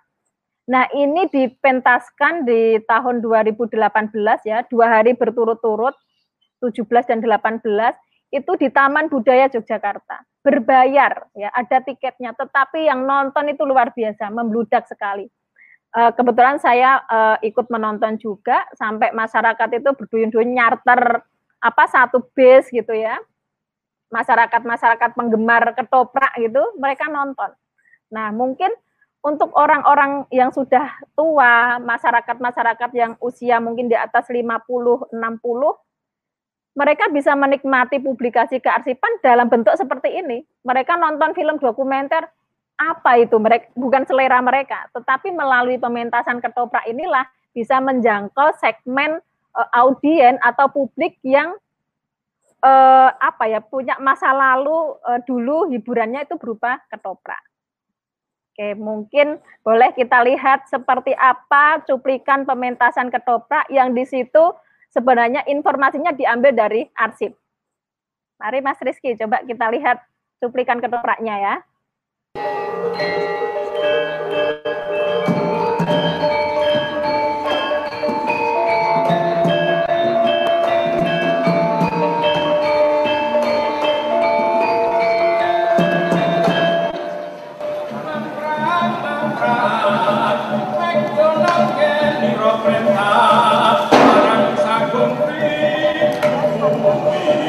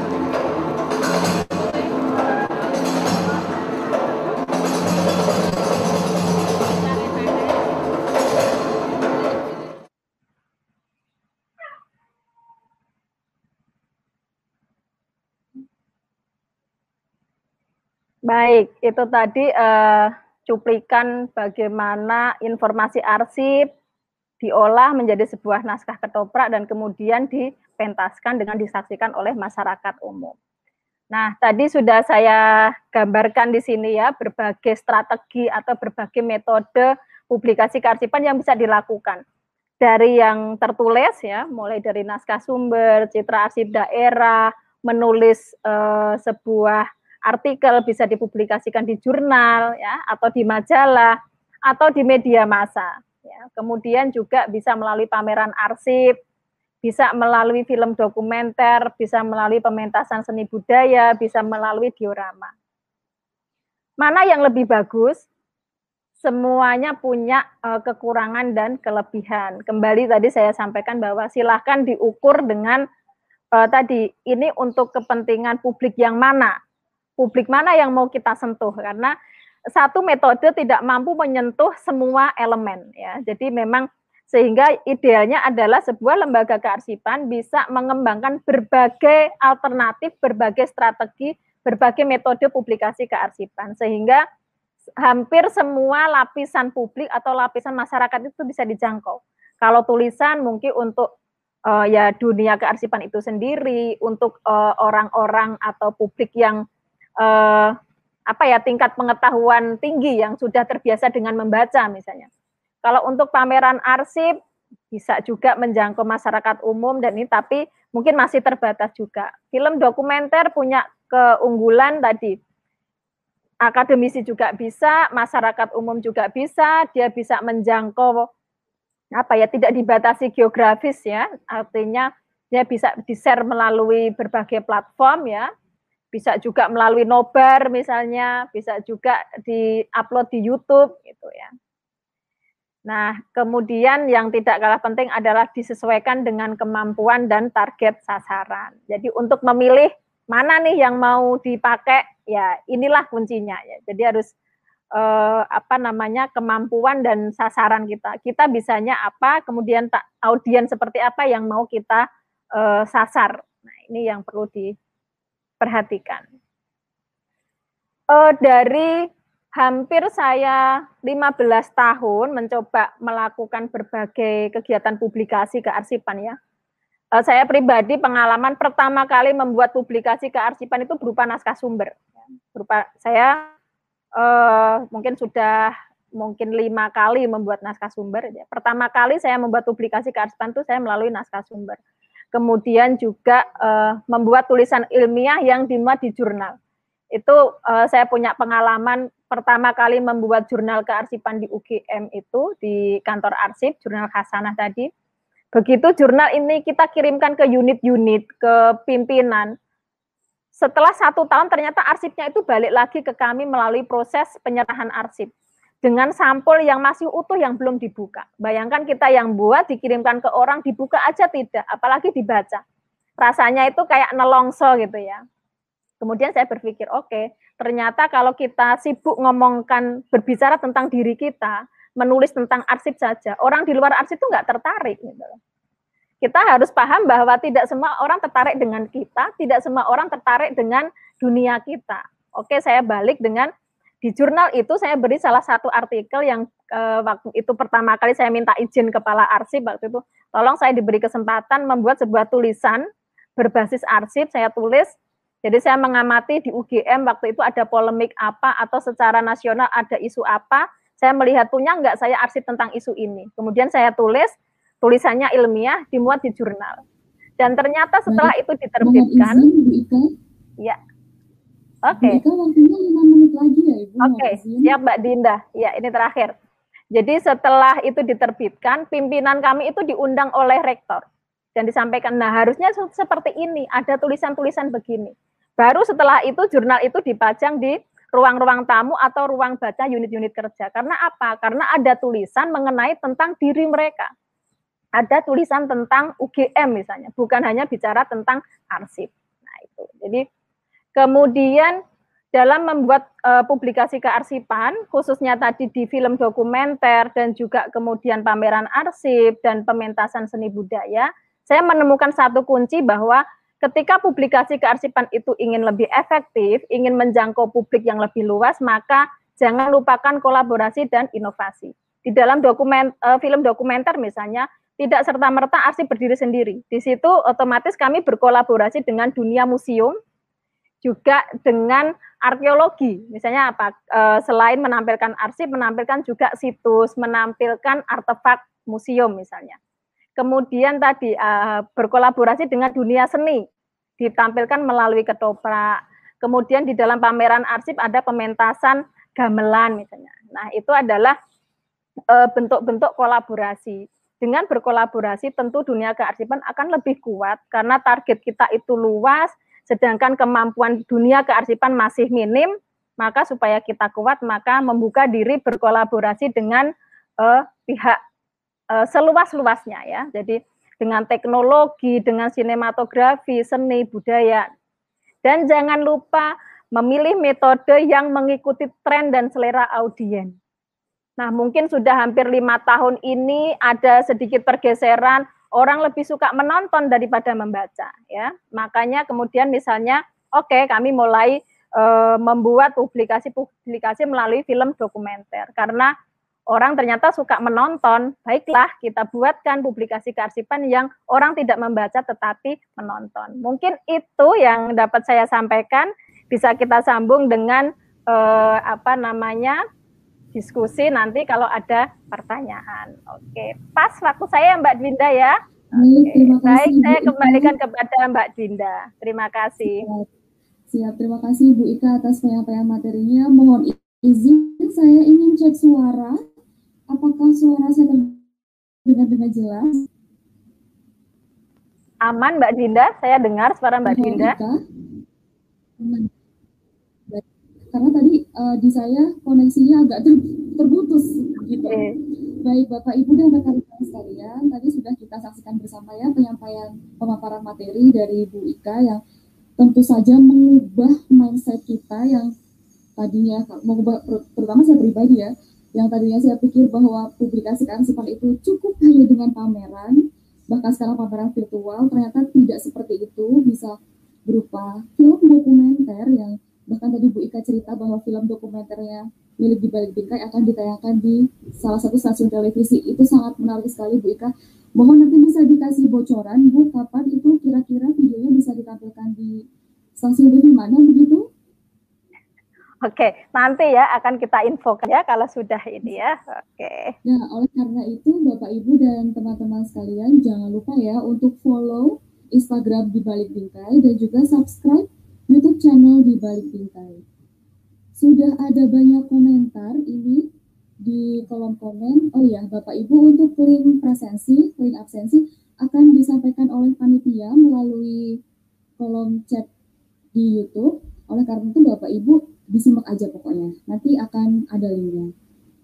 Baik, ini sudah banyak pertanyaan yang masuk. Yang pertama, saya ingin menyampaikan halo sebelumnya saya ingin uh, Pak Prayit, mohon, mohon maaf Pak Prayit dan Bu Ika masih bersama dengan kita ya? Iya, aman, masih. Masih okay. ya. Baik, uh, saat ini kita akan memasuki sesi tanya jawab dengan peserta. Suara saya terdengar, halo? Tapi agak kurang keras ya suaranya Mbak Dinda ya, volumenya. Ya, maaf, ini sepertinya oh, jaringan bisa. Ya, betul okay. ya. Kalau misalnya kekurangan dari dari ini adalah masalah jantung. Saya harap semoga suara tetap terdengar ya. Oke, ya masih terdengar, aman. Baik. Uh, saya ingin membacakan salah satu pertanyaan dari ini di UGM. Ini seperti biasa saya ya, Bu ingin bertanya pada yang lain bedanya outreach dengan archival public program, betting tonight CS, dan user education di bagian apa ya, dan apakah outreach dapat dikatakan sebagai bagian dari reference service atau kegiatan yang berbeda. Mohon izin Pak Prai. Baik. Langsung dijawab atau bagaimana, Mbak Dida? Saya kira dijawab terlebih dahulu ya Pak Prait ya nanti takutnya lupa gitu. Oke ya, ini dari Ibu Rahmawati ya, Rina Rahmawati ya, oh, kayaknya nih ya. dosen UGM. uh, eh, begini, kalau menurut saya ya, jadi kalau ada yang penting kalau istilah uh, reference service, ya kan user education, archival, outreach dan public program itu semuanya masih di dalam payung public services ya public services jadi baik itu reference service user education archival outreach dan public program itu masih di bawah uh, payung uh, public services. Namun uh, di dalam public program itu uh, apa namanya? Kalau kita lihat literatur ya, literatur kearsipan tahun 90-an ya itu memang paling banyak disebut itu public program ya, karena itu uh, apa namanya sudah mainstream. Tetapi akhir-akhir ini uh, yang semakin mengganti itu istilah outreach. Karena apa? Karena outreach itu menurut saya itu seiring dengan pemikiran-pemikiran Cosmo dalam arti uh, uh, decentering ya, jadi orang-orang yang terpinggirkan uh, tidak ada di, tidak disuarakan, maka uh, muncul istilah ini. Itu menurut uh, yang saya baca dari literatur kasipan ya.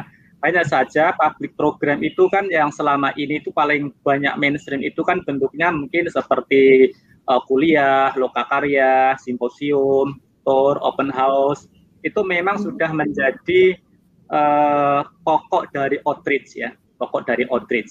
Tetapi kalau outreach itu sendiri yang menurut saya yang membedakan itu ia bersifat uh, partisip lebih partisipatoris, kedua lebih uh, apa namanya kolaboratif dan uh, memanfaatkan platform-platform uh, media sosial jadi keterlibatan publik itu bisa benar-benar keluar ya tanpa batas ya. Artinya begini, kalau misalkan uh, lembaga kearsipan di IY katakanlah ya ya audiensnya kalau keluarnya ya tidak hanya warga di IY, ya bisa lintas. Jadi outreach jangkauannya lebih luas.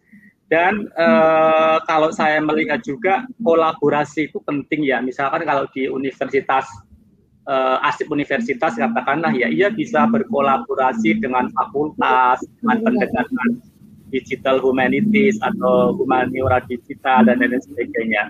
Itu barangkali kata kuncinya tiga ya yang outreach itu ya kolaborasi pemanfaatan uh, medsos yang jangkauannya lebih luas dan uh, partisipatoris. Mungkin itu dulu Mbak Winda baik terima kasih Pak Bayu Semoga sudah menjawab pertanyaannya ya Bu Rina.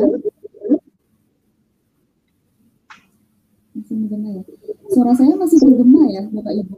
Masih terdengar tapi agak bergema Mbak Linda.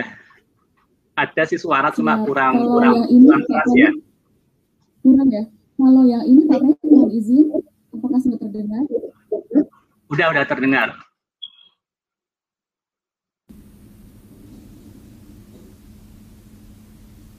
Ini suaranya mati. Apakah Halo Mbak Dinda. Ya.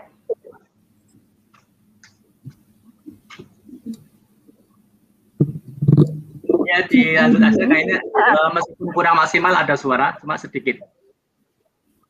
Baik, apakah yang ini sudah terdengar Bapak Ibu? Sudah terdengar meskipun kurang keras, nggak apa-apa, bisa dilanjut Mbak Dinda. Baik, Bapak Ibu saya lanjutkan ya untuk pertanyaan yang selanjutnya.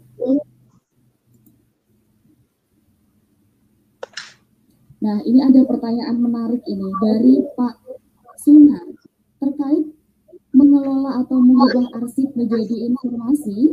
Apakah ada batasan-batasannya sejauh mana inovasi atau kreativitas tersebut tidak melanggar kode etik atau peraturan lainnya. Adakah guidance-nya dari Pak Sunar di Lapan? Baik, saya persilakan kepada Bu Ika. Baik. Halo Bu Ika. Sorry. Ya, halo Mbak Dinda. Oke, terima kasih. Pertanyaan dari Lapan tadi ya. Pak siapa namanya agak kurang jelas. Oke. Apa adakah guidance atau ada uh, kaidah atau etika-etika yang harus diperhatikan dalam mengolah informasi arsip? Pasti, ya saya katakan pasti karena uh, publikasi kearsipan ini saya katakan juga sebuah kegiatan ilmiah. Maka melakukannya juga harus pakai metode-metode ilmiah. Uh, hal yang harus dijaga adalah apa namanya keotentikan informasi itu. Jadi kita tidak mengarang. Kita tidak menciptakan informasi sendiri ya. Jadi publikasi kearsipan itu adalah menyampaikan informasi yang salah satu sumbernya itu dari arsip. Kemudian kita sampaikan kepada publik. Jadi kita tidak e, mengarang atau menambahi itu sendiri gitu ya. Itu kode etik yang e, nomor satu ya. Jadi orang mau menyampaikan dalam bentuk apa pun ya itu harus kode etik utamanya itu. Makanya di dalam publikasi kearsipan sebelum itu dipublish, sebelum itu diolah, pasti ada tahapan namanya riset, ya, riset penelitian. Sejauh ini ketika membuat publikasi kearsipan, baik dalam bentuk naskah sumber, tulisan, pameran, dokumenter maupun untuk pementasan seni budaya, riset arsip ini saya cenderung menggunakan metodologi sejarah.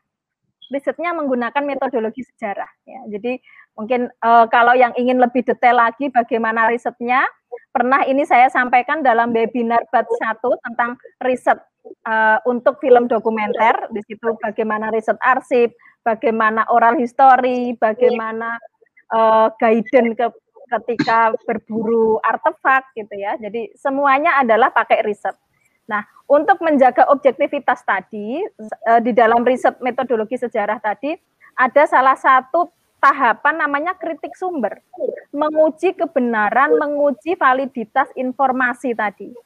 Justru ketika publikasinya ini kita kemas dalam berbagai media, kemudian kolaborasi bidangnya semakin luas, maka proses melakukan kritik sumbernya lebih luas. Jadi kita tidak e, menggunakan kebenaran tunggal bersumber dari arsip, tetapi informasi dari arsip ini kita uji juga. Apakah betul informasinya? Kita uji dengan apa? Kita uji dengan pernyataan pelaku sejarahnya, kesaksian pelaku sejarahnya, kita uji dengan yang diomongkan ini benar enggak, situsnya ada apa enggak, bukti sejarahnya ada apa tidak. Itu, untuk menjaga kemurnian ya, kemurnian dari konten atau isi dari publikasi kearsipan. Kemudian ada etika yang menurut saya ini menjadi kunci karena ini publikasi kearsipan, raw material atau bahan utamanya salah satunya dari arsip, maka kita harus memegang kaidah kearsipan. Misalnya, satu, menjaga informasi. Kalau memang isi informasinya ini masih bersifat rahasia, masih tertutup, kita mengenal SKKAD ya, sistem keamanan apa informasi akses arsip dinamis, ya ini menjadi panduan kita. Kalau itu dibilang tertutup ya jangan dipamerkan, jangan dipublikasikan. Satu. Yang kedua, kita selaku pelaku arsip atau arsiparis atau petugas kearsipan punya kewajiban menjaga keamanan arsip, baik fisik maupun informasinya. Jangan sampai dalam proses publikasi kearsipan ini, kemudian bisa merusak fisik arsip itu. Nah, jadi ada tiga poin penting guidance-nya tadi ya. Kalau ditanya aturannya belum ada, saya belum menemukan peraturan uh, apakah ada literatur yang detail membahas ini? Saya juga belum menemukan. Saya lebih ke mungkin trial and error ya, selama mungkin 10 tahun lebih ini mencoba melakukan berbagai metode kearsipan. Tetapi pegangan saya tadi bahwa semua kegiatan publikasi kearsipan saya awali dengan riset. Ini adalah karya akademis, kayak karya akademis yang saya bungkus dengan seni. Saya melalui tahapan riset, dan menggunakan metodologi. Metodologi yang saya gunakan adalah metodologi sejarah. Kemudian saya harus memegang prinsip tadi, menjaga keamanan informasi dan fisik arsip. Berpedoman pada SKKAD, kalau memang rahasia ya tidak dipublikasikan, dan kemudian juga menjaga keamanan fisik arsip. Mungkin eh, singkatnya seperti itu Mbak Dinda. Baik, terima kasih Bu Ika. Mohon izin, suara saya sudah terdengar ya saat ini ya? Ya, sudah. Sudah, sudah baik. Alhamdulillah. Uh, langsung saja ini karena banyak pertanyaan yang masuk, mohon izin Bu Ika dan Pak Prayit, saya agak okay. ngebut ya, mohon maaf oh, iya, agar okay, pertanyaan, okay. iya agar pertanyaan bisa bisa terjawab semua. Selanjutnya ada pertanyaan dari Bapak Akmal ini, sepertinya ini untuk Pak Prayit ya, menanyakan bagaimana kiat-kiat yang jitu agar publikasi kearsipan bisa diterbitkan di jurnal-jurnal yang terakreditasi baik nasional maupun internasional. Monggo Pak Prayit. Iya, kalau itu berarti Bapak Ibu harus ini sebenarnya ya. Kalau Bapak Ibu sudah, kalau teman-teman sudah pernah membaca telisiknya di jurnal Hazanah UGM itu menarik ya. Di ya. sana ia mau uh, mengomunikasikan hazanah-hazanah di lembaga kearsipan ya, tetapi channelnya adalah apa? Jurnal, jurnal kearsipan ataupun jurnal-jurnal Himanera. Otomatis kalau Bapak Ibu sudah memiliki kekayaan itu ya berupa uh, kekayaan nah, harta karun arsip, bagaimana teman-teman bisa memublikasikan ya. Kalau itu peluang, itu sangat peluang ya. Tetapi di sini nanti kembali ke kemampuan Bapak Ibu semua, pengalaman Bapak Ibu semua dalam hal publikasi ilmiah ya. Karena apa? Kalau sudah mau me, sudah mau ada gambaran mau memublikasikan dalam bentuk jurnal maupun paper ilmiah, itu sudah masuk ke ketentuan yang memiliki jurnal itu ya boleh jadi uh, mengangkatnya tema-temanya menarik ya tetapi di situ belum selesai bagaimana nanti tantangan Bapak Ibu untuk bisa tunduk dan patuh pada ketentuan yang memiliki jurnal itu ya dan itu tidak gampang ya karena ini biasanya kan eh, ketentuan-ketentuan ilmiahnya ada di sana oleh karena itu mungkin yang perlu kami tekankan memang arsiparis ini memang harus uh, mengembangkan diri dalam hal kegiatan ilmiah. Barangkali intinya adalah cara untuk menuliskan paper-paper uh, ilmiah dan lain sebagainya ya. Karena yang ditanyakan kan ini uh, jurnal ilmiah ya. Tetapi andai kata Bapak Ibu nanti uh, ingin mempublikasikan dalam bentuk non ilmiah bisa saja mungkin yang bentuknya populer mungkin di jurnal apa majalah lah ya kalau majalah itu uh, syarat-syaratnya karena populer tidak seketat jurnal ilmiah ya karena ilmiah itu kan biasanya harus metodologinya benar atau tidak terus uh, teori besarnya apa dan lain sebagainya pertanyaan penelitiannya apa ada novelty-nya atau apa itu di situ.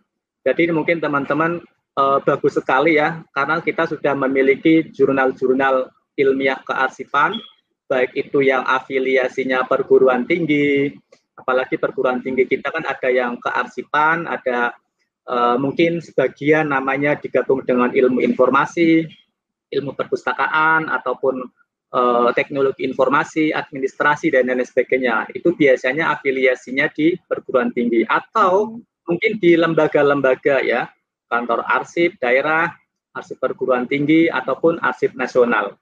Ya di sanalah uh, kalau teman-teman sudah memiliki bahan yang menarik, silahkan, tetapi kembali ke yang memiliki wewenang jurnal itu sendiri. Biasanya mereka agak ketat karena pendekatannya ilmiah. Namun teman-teman tidak perlu khawatir, andai kata tetap mau memublikasikan nilai-nilai aset itu bisa lewat yang agak uh, tidak tidak apa ya, tidak tepat itu yang bersifat populer. Justru kadang-kadang yang bersifat populer itu teman-teman itu jangkauannya kadang lebih luas ya. Karena satu sisi kalau yang jurnal ilmiah memang itu nilainya uh, ilmiahnya tinggi ya, tapi biasanya konsumennya ya para akademisi, para pemikir ya. Tapi kalau teman-teman justru kalau bisa uh, memoles dalam bentuk populer, itu kadang lebih luas jangkauannya atau mungkin berupa buku. Maka nilai yang perlu ditanamkan teman-teman di sini adalah kembangkan diri kita untuk bisa mm -hmm. menulis ya, baik ilmiah maupun populer. Saya rasa itu Mbak Duwinda. Jadi intinya uh, kembali ke kita untuk belajar mengembangkan uh, kemampuan kita menulis ya. Jadi meskipun sudah ada potensi arsipnya itu belum cukup. Jadi bagaimana untuk bisa tembus ya ke media baik ilmiah maupun populer. Terima kasih. Baik, terima kasih Pak Prayu. Jadi itu harus terus mengolah kemampuan diri ya Pak ya dalam hal tulis menulis ini terutama tulis menulis ilmiah karena menulis ilmiah ini berbeda dengan menulis seperti di majalah ataupun bahasa-bahasa yang digunakan berbeda dengan bahasa-bahasa yang di novel. Baik, apakah Bu Ika ingin menambahkan, Bu Ika? Oke, baik. Uh, mungkin saya menambahkan sedikit kalau mau apa informasi arsip dimasukkan ke jurnal ya tadi saya contohkan telisik tadi itu uh, 2000 kalau nggak salah ya, saya awali 2009 atau 2010 itu pertama kali saya membuat telisik itu. Jadi saya minta izin kepada kepala arsip. Saya ditanya ada modelnya nggak? Ya nggak ada. Saya mau nyoba beri kesempatan satu kali ini. Nanti kalau nggak bagus ya nggak dilanjutkan. Dan alhamdulillah telisik itu bertahan sampai sekarang. Dan ketika di asesmen dari pihak akreditasi jurnal waktu itu, kebetulan saya sebagai pimretnya waktu itu, uh, telisik ini kemudian dianggap bobotnya sama dengan artikel ilmiah yang lain. Jadi menu sejarah ya, menu sejarah berbasis arsip yang dia ditampilkan dalam sebuah jurnal. Jadi jurnal kearsipan bukan hanya bicara membahas tentang ilmu-ilmu kearsipan atau bagaimana berkearsipan tetapi juga menyajikan informasi berbasis arsip. Kuncinya menulis ya harus membaca. Kalau mau bisa me menyajikan informasi arsip dalam jurnal ya harus mau masuk depo, mengolah arsip, ketika mengolah kan otomatis pegang tuh, pegang arsipnya inget oh ternyata ada ini gitu ya. Rajin membaca arsip, kemudian juga me, apa namanya melatih menulis gitu ya. Jurnal mungkin agak berat, bisa dimulai di majalah ya. Kebetulan di UGM itu ada tuh majalah Pagama. Kemudian uh, Andri juga ada majalah ya. Andri kan juga ada jurnal dan majalah. Dimulai dari majalah dulu, nanti baru mungkin melangkah ke jurnal. Itu Mbak Dwinda. Baik, terima kasih Bu Ika. Uh, berbicara tentang jurnal dan juga majalah, saya ingin promosi sedikit boleh ya Bu Ika dan Pak Prayut boleh, bahwa silahkan. Arsip Nasional itu sudah mempunyai publikasi yang dapat diakses oleh masyarakat, dapat diaksesnya mudah sekali, tinggal uh, masuk saja di websitenya Arsip Nasional anri.go.id di situ ada publikasi kajian, publikasi uh, majalah ataupun uh, jurnal kearsipan. Baik, Selanjutnya saya ingin membacakan ini ada tanggapan dari Bapak Iwan Setiawan. Beliau mengatakan bahwa narasi narasi sangat baik. Tema di balik bingkai memberikan inspirasi arsip bahwa arsip adalah hasanah yang perlu dijaga dan dijadikan memori kolektif. Baik, terima kasih Pak Iwan. Semoga Pak Iwan terus bergabung ya dengan di balik bingkai dan jangan lupa untuk subscribe channel YouTube di balik bingkai dan juga follow Instagramnya di balik bingkai karena di sanalah uh, info-info terbaru tentang di balik bingkai. Oke, selanjutnya ada pertanyaan dari Parianta Yanto yang bertanya bagaimana untuk merubah pola pikir masyarakat terkait pentingnya arsip karena banyak yang menganggap arsip tidak perlu untuk dikelola dengan baik. Bahkan di lembaga atau instansi resmi pun masih meremehkan tentang arsip. Oh, masih ada yang meremehkan tentang arsip ya. Boleh tanggapannya terlebih dahulu, Bu Ika. Monggo Bu Ika tanggapannya terkait dengan pertanyaan ini. Oke. Baik, terima kasih. Mungkin saya izin menanggapi dulu ya Pak Prayit ya. Oke, bagaimana sih caranya mengubah pola pikir masyarakat yang mungkin tidak peduli dengan arsip? Tadi dia saya sampaikan, ya salah satunya jangan paksa orang untuk apa namanya uh, peduli kalau kita tidak mampu memberikan manfaat kepada mereka. Kita nggak bisa memaksa orang ya. Kita nggak bisa memaksa orang untuk suka sama kita. Kita nggak bisa memaksa orang terus peduli dengan arsip, yakin bahwa oh arsip ini penting gitu ya. Kita itu kan biasanya merasa ini penting ketika itu bisa memberikan manfaat kepada kita. Nah, makanya di awal-awal saya bekerja di lembaga kearsipan, ya istilahnya kalau boleh dikatakan uh, mungkin sering nangis istilahnya gitu ya bagaimana kok kok kerja kok kayak gini ya nggak ada penghargaannya sama sekali kita seperti hanya seperti pemulung gitu ya ya akhirnya uh, harus dibalik strateginya gitu uh, dibalik dengan cara bahwa anda bisa mendapatkan sesuatu dari arsip pertama yang saya lakukan adalah waktu itu uh, sebelum ada jurnal, sebelum membuat majalah, saya pertama kali juga sempat membuat film dokumenter waktu itu. Hanya ada teman kebetulan suka bikin movie maker dengan komputer. Ya hanya kayak arsip yang jalan terus dikasih suara gitu. Dan ternyata itu menarik pimpinan. Oh, ternyata ono sejarah UGM di sana ya. Nah, seperti itu. Kemudian melalui telisik, pertama kali saya membuat telisik itu mengangkat tema tentang pesut mahakam. Karena itu sedang menjadi polemik internasional bahwa ini spesies yang hampir hilang. Ternyata kita punya khasanah arsip upaya UGM melestarikan pesut mahakam. Saya tulislah itu Baru kemudian UGM paham, oh, ternyata arsip penting. Karena dari situ jadi tahu apa saja yang sudah dilakukan UGM. Lebih luas lagi, misalnya saya mencoba dengan film Wahidin tadi. Uh, orang jadi tahu kok ada, wah ternyata kok yang kono ya ceritanya. Ternyata seperti ini ya sejarahnya. Tahu dari mana? Dari arsip. Nah, orang jadi tahu, oh iya ternyata arsip penting karena di situ ada memori kolektif kita. Gitu awalnya kan saya hanya menerbitkan majalah, menerbitkan jurnal yang artikelnya selalu berisi betapa pentingnya arsip.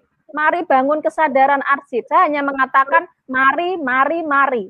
Tanpa saya menyajikan bahwa Anda bisa dapat ini loh dari arsip gitu ya. Makanya ketika saya buat jurnal, saya buat majalah, dikirimkan ke unit kerja, satu tahun kemudian majalah itu masih utuh, dibuka aja tidak, dikembalikan ke kantor kami karena kami hanya bicara bagaimana cara mengolah arsip, bagaimana pentingnya arsip. Mereka nggak peduli ternyata, mereka nggak tersentuh. Mereka baru tersentuh ketika kami punya ini loh, dengan arsip ternyata Anda bisa mengetahui ini. Kami sentuh dengan melalui kebutuhan mereka, bukan kami paksa mereka memahami kita. Mungkin itu eh, uh, pengalaman yang uh, dapat saya lakukan ketika ingin menyadarkan bahwa arsip itu penting. Jangan paksa orang untuk sadar, tetapi mari kita sentuh dengan memberikan manfaat. Anda bisa mendapatkan manfaat apa dari arsip. Nah, salah satu publikasi kearsipan ini, gitu ya. Jadi dia bisa terus dikembangkan dengan berbagai cara untuk membangun kesadaran itu. Seperti masyarakat umum, wah ternyata foto seperti ini penting ya Mbak. Oh iya Pak, kalau punya nanti diserahkan aja ke lembaga kearsipan malah bisa dipamerkan, diketahui banyak orang. Kami dapat arsip-arsip penting itu bukan dari akuisisi unit kerja, tetapi malah dari masyarakat umum, kadang dari mantan-mantan pejabat yang setelah kami sentuh dengan tadi, oh Pak, ternyata kami punya penting seperti ini loh. Mungkin itu Mbak Dinda. Ya. Baik, terima kasih Bu Ika. Ada ada tambahan lagi dari Pak Prayit, mohon izin. Ya, pada hakikatnya sama ya, cuma mungkin saya akan me melihat perspektif lain dari sisi budaya kita. Memang ya kalau e, mengapa arsip itu diabaikan itu sebenarnya sudah pertanyaan lama sekali dan kita memang tidak berhak menjawab ya itu sebenarnya PR pimpinan, pimpinan negara kita mengapa seperti itu. Tapi saya pernah membaca referensi itu bisa dilihat dari namanya uh, information culture, budaya informasi, hmm. termasuk di Asia, di Indonesia itu orang-orang kita itu lebih banyak uh, lebih banyak itu gosip, lebih banyak mendapat informasi itu dari lisan ya. Kita lihat ya teman-teman kita kan kalau uh, misalkan antara pengajian katakanlah ya sama mungkin kajian kan masih banyak lebih menarik yang uh, mendengarkan langsung ya. Hmm. Artinya apa? Itu tetap uh, ciri khas bangsa kita memang lebih banyak uh, apa namanya bukan membaca tapi mendengarkan, memperhatikan dan lain sebagainya. Sehingga barangkali untuk bisa menarik itu mungkin ya memang itu tetap kata kuncinya tema ini dipublikasikan mungkin ya dalam bentuk tema tematik ya tidak how to saja tetapi misalkan tadi ada pejot mahakam itu kan tematik oh penting ya. Hmm. Jadi ketok tular istilah orang Jawa itu filosofinya dipakai saja. Oleh karena itu mungkin tantangan arsip itu mendekati uh, pendekatan budaya. Oh lebih baik publikasi arsip itu uh, jangan yang tekstual saja. Memang harus melibatkan uh, pendengaran, penglihatan, menonton dan apa partisipasinya muncul itu kan dan kita bisa berkomentar di dalamnya. Uh, mungkin itu juga uh, salah satu kuncinya ya strategi juga kan uh, memanfaatkan karakteristik budaya kita memang kalau membaca itu ya jauh lebih kecil dibandingkan daripada uh, mendengarkan ataupun mendengarkan obrolan itu dan lain sebagainya. Itu barangkali tambahan saya. Baik, terima kasih Pak Prayit dan Bu Ika atas tanggapan yang diberikan. Mungkin saya sedikit berkomentar bahwa kadang tuh orang baru sadar sesuatu disebut berharga, sesuatu bermanfaat itu ketika itu sudah ya. hilang gitu atau sudah sulit dicari begitu. Seperti misalnya saat akan mendaftar sekolah, waduh ijazah saya di mana ya? Waduh uh, fotokopi akta kelahiran saya di mana ya? Begitu mungkin ya Pak Pray dan Bu Ika. Jadi ya. kalau saran saya jangan tunggu itu hilang dulu baru kemudian sadar itu bermanfaat. Tolong ya di, dikelola sebaik mungkin mulai dari arsip keluarga, arsip kantor, sampai akhirnya ke arsip negara sebagai memori kolektif bangsa. Baik. Selanjutnya ada pertanyaan dari Kominfo. Ini mohon izin Bu Ika dan ya. Pak Praye saya bacakan. Apakah arsip yang dipublikasikan adalah arsip yang bernilai sejarah atau ar arsip apa saja yang uh, dibuat bahan atau materi publikasi. Terima kasih. Pertanyaan dari Bapak atau Ibu Sudi Rizkianti. Mohon izin kepada Pak Paraya terlebih dahulu. Uh, mungkin ini apa ya? Kalau saya melihatnya uh, apa namanya sudah disinggung juga oleh Bu Ika tadi ya. Kita melihatnya itu Oh, tadi pertanyaannya ini ya, apa? Apakah yang uh, arsip, arsip ya, arsip yang dipublikasikan itu apakah harus arsip statis atau arsip yang kriteria seperti seperti apa, gitu Pak Prayitno ya. izin. Kalau mungkin kalau di lembaga kearsipan ya barangkali iya ya, karena yang namanya statis itu kan peruntukannya dia sudah plural, sudah publik ya. Tetapi ya. ada juga yang arsip dinamis khususnya di tempat kami misalkan ya di hmm. unit unit kearsipan kalau di saya ya kan itu tidak mengelola arsip statis ya sebenarnya masih dinamis ya. Itu juga perlu dipamerkan dipublikasikan. Mungkin dalam hal-hal untuk mendukung pimpinan untuk uh, memperhatikan ataupun ada atensi itu penting. Misalkan tatkala kita anniversary ataupun ulang tahun uh, kementerian kita itu nanti bisa juga dipamerkan uh, apa namanya arsip-arsip lama kita ya meskipun itu sebelum di, diserahkan ke Andri tetapi paling tidak sebagai jati diri kita tidak apa-apa ya tidak harus yang yang statis gitu ya. Artinya statis di sini yang khusus untuk unit pencipta memiliki nilai historis ataupun tema-tema tertentu. Dan ini mungkin saya boleh cerita ya kemarin Kemenaker itu ulang tahun ke-74. Itu alhamdulillah itu berkat kerja-kerja tim kami karena tatkala kami menemukan uh, apa namanya keputusan menteri yang ditandatangani oleh Pak Menteri Kosmas Batubara kita uh, terkaget-kaget oh ini nemu kita arsip statis ini. Akhirnya kami serahkan ke Andri. Dan alhamdulillah kerja kami kemarin langsung saya upload di IG unit arsip Kemenaker dan dibaca oleh pimpinan Kemenaker, akhirnya kita mendapat dukungan juga. Jadi kita menemukan jati diri itu ya dari arsip-arsip uh, yang bernilai gula sejarah itu. Artinya kita bisa kontribusi di situ ya. Jadi uh, barangkali itu ya tidak harus yang statis. Kalau yang lembaga kearsipan mungkin iya, tapi kalau yang unit uh, pencipta yang di unit kearsipan bisa juga selama itu mendukung katakanlah uh, ulang tahun, tema-tema kedirjenan kita apa seperti itu. Baik, terima kasih Pak Prayit. Selanjutnya Bu Ika, mungkin dapat memberikan tanggapannya. Apakah harus arsip statis yang dipublikasikan atau kriteria arsip seperti apa yang menarik masyarakat? Monggo Bu Baik. Untuk dipublikasikan, ya saya rasa tidak harus arsip statis. Kalau yang dipublikasikan hanya arsip statis, Berarti yang bisa melakukan kegiatan publikasi kearsipan hanya lembaga kearsipan dong ya. Karena di aturan negara kita kan yang boleh mengelola arsip statis hanya lembaga kearsipan. Artinya eh, arsip apa pun bisa dipublikasikan, tidak harus arsip statis. Contoh kayak Pak Prayet tadi, kementerian. Kementerian kan nggak punya arsip statis, arsip statisnya ada di ANRI. Mereka bisa mempublikasikan arsip-arsip yang mereka miliki saat ini untuk menunjukkan kinerja mereka, untuk mendukung visi misi uh, institusinya misalnya, untuk menunjukkan eksistensinya. Misalnya seperti apa ya, terutama di kementerian-kementerian ya, kementerian atau dinas itu kan nggak punya arsip statis, jadi bisa arsip uh, dinamis juga dipamerkan. Yang menjadi kuncinya adalah bahwa informasi arsip ini memang boleh di-share. Ya, kan kita ada SKKAD ya yang acuan arsip ini boleh dipublish apa tidak informasinya boleh diketahui umum atau tidak. Kuncinya di situ. Jadi enggak masalah mau dinamis aktif inaktif atau statis boleh selama memang menurut ketentuan akses arsip informasinya itu boleh dipublish. Kunci utamanya di situ. Mau arsip dinamis aktif inaktif statis boleh. Boleh dipublikasikan. Selama memang menurut SKKAD-nya uh, dia uh, terbuka untuk umum. Mungkin itu. Baik, terima kasih Bu Ika. Selanjutnya ini ada pertanyaan dari Bapak Suwarno. Ini mohon izin Bu Ika dan Pak Prayut ya saya bacakan. Bagaimana upaya yang dilakukan agar ada komitmen baik dari pimpinan ataupun pengolah arsip untuk berbenah arsipnya ini?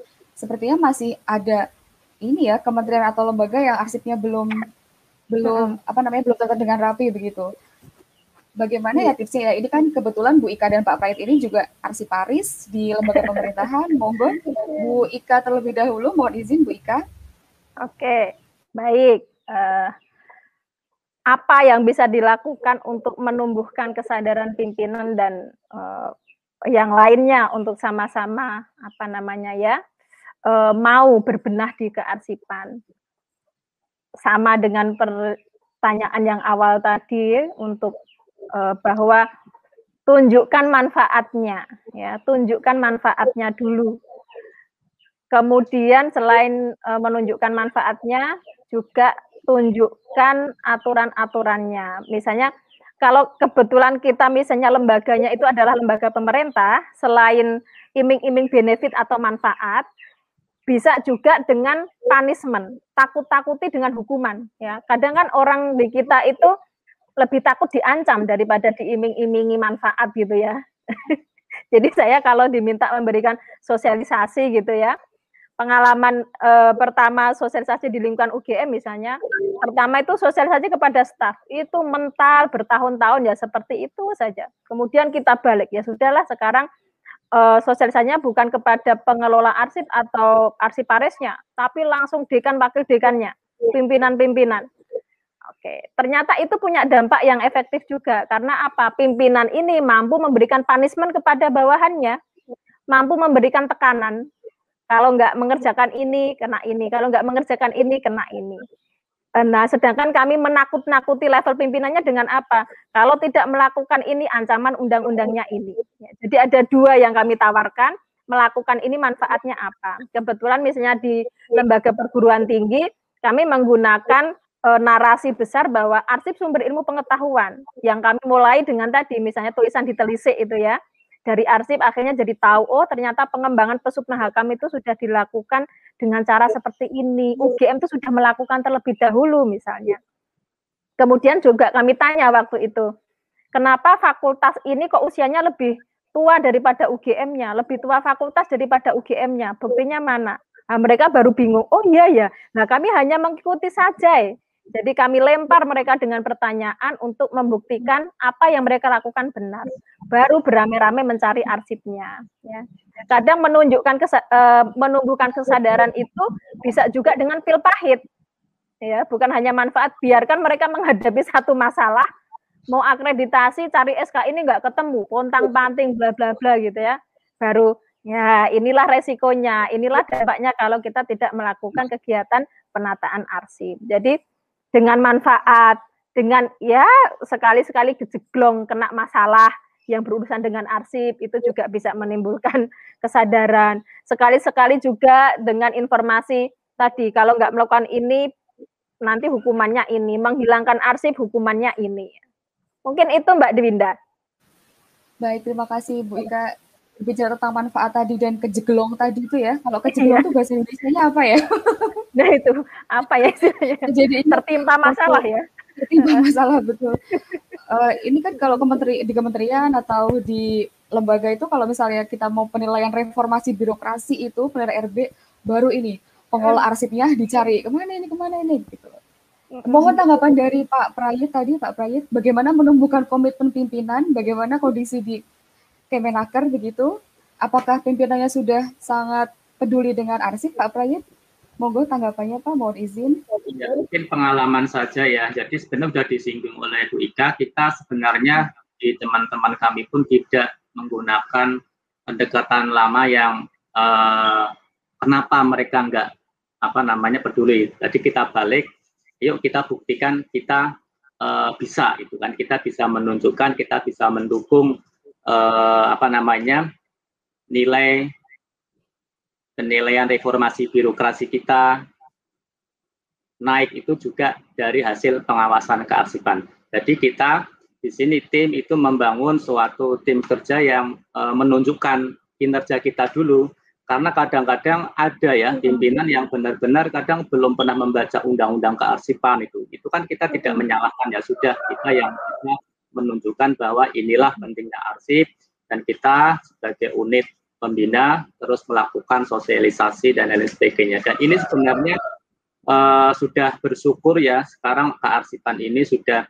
uh, terbantu dengan uh, evaluasi RB dengan adanya uh, kolaborasi aplikasi umum dan lain sebagainya. Jadi memang intinya adalah uh, konvergensi dan transformasi digital itu melibatkan berbagai macam pihak sehingga uh, lambat laun uh, antar sektor ya, antar bidang, antar kementerian, antar fungsi pasti akan melibatkan arsip. Seperti itu barangkali ya. Penting kita menunjukkan kinerja kita bahwa arsip itu penting bisa. Tidak perlu kita uh, menyalahkan ataupun berundel terus-menerus itu nggak akan selesai. Karena yang sebut saya tadi, yang namanya information culture itu itu sudah nasional, susah.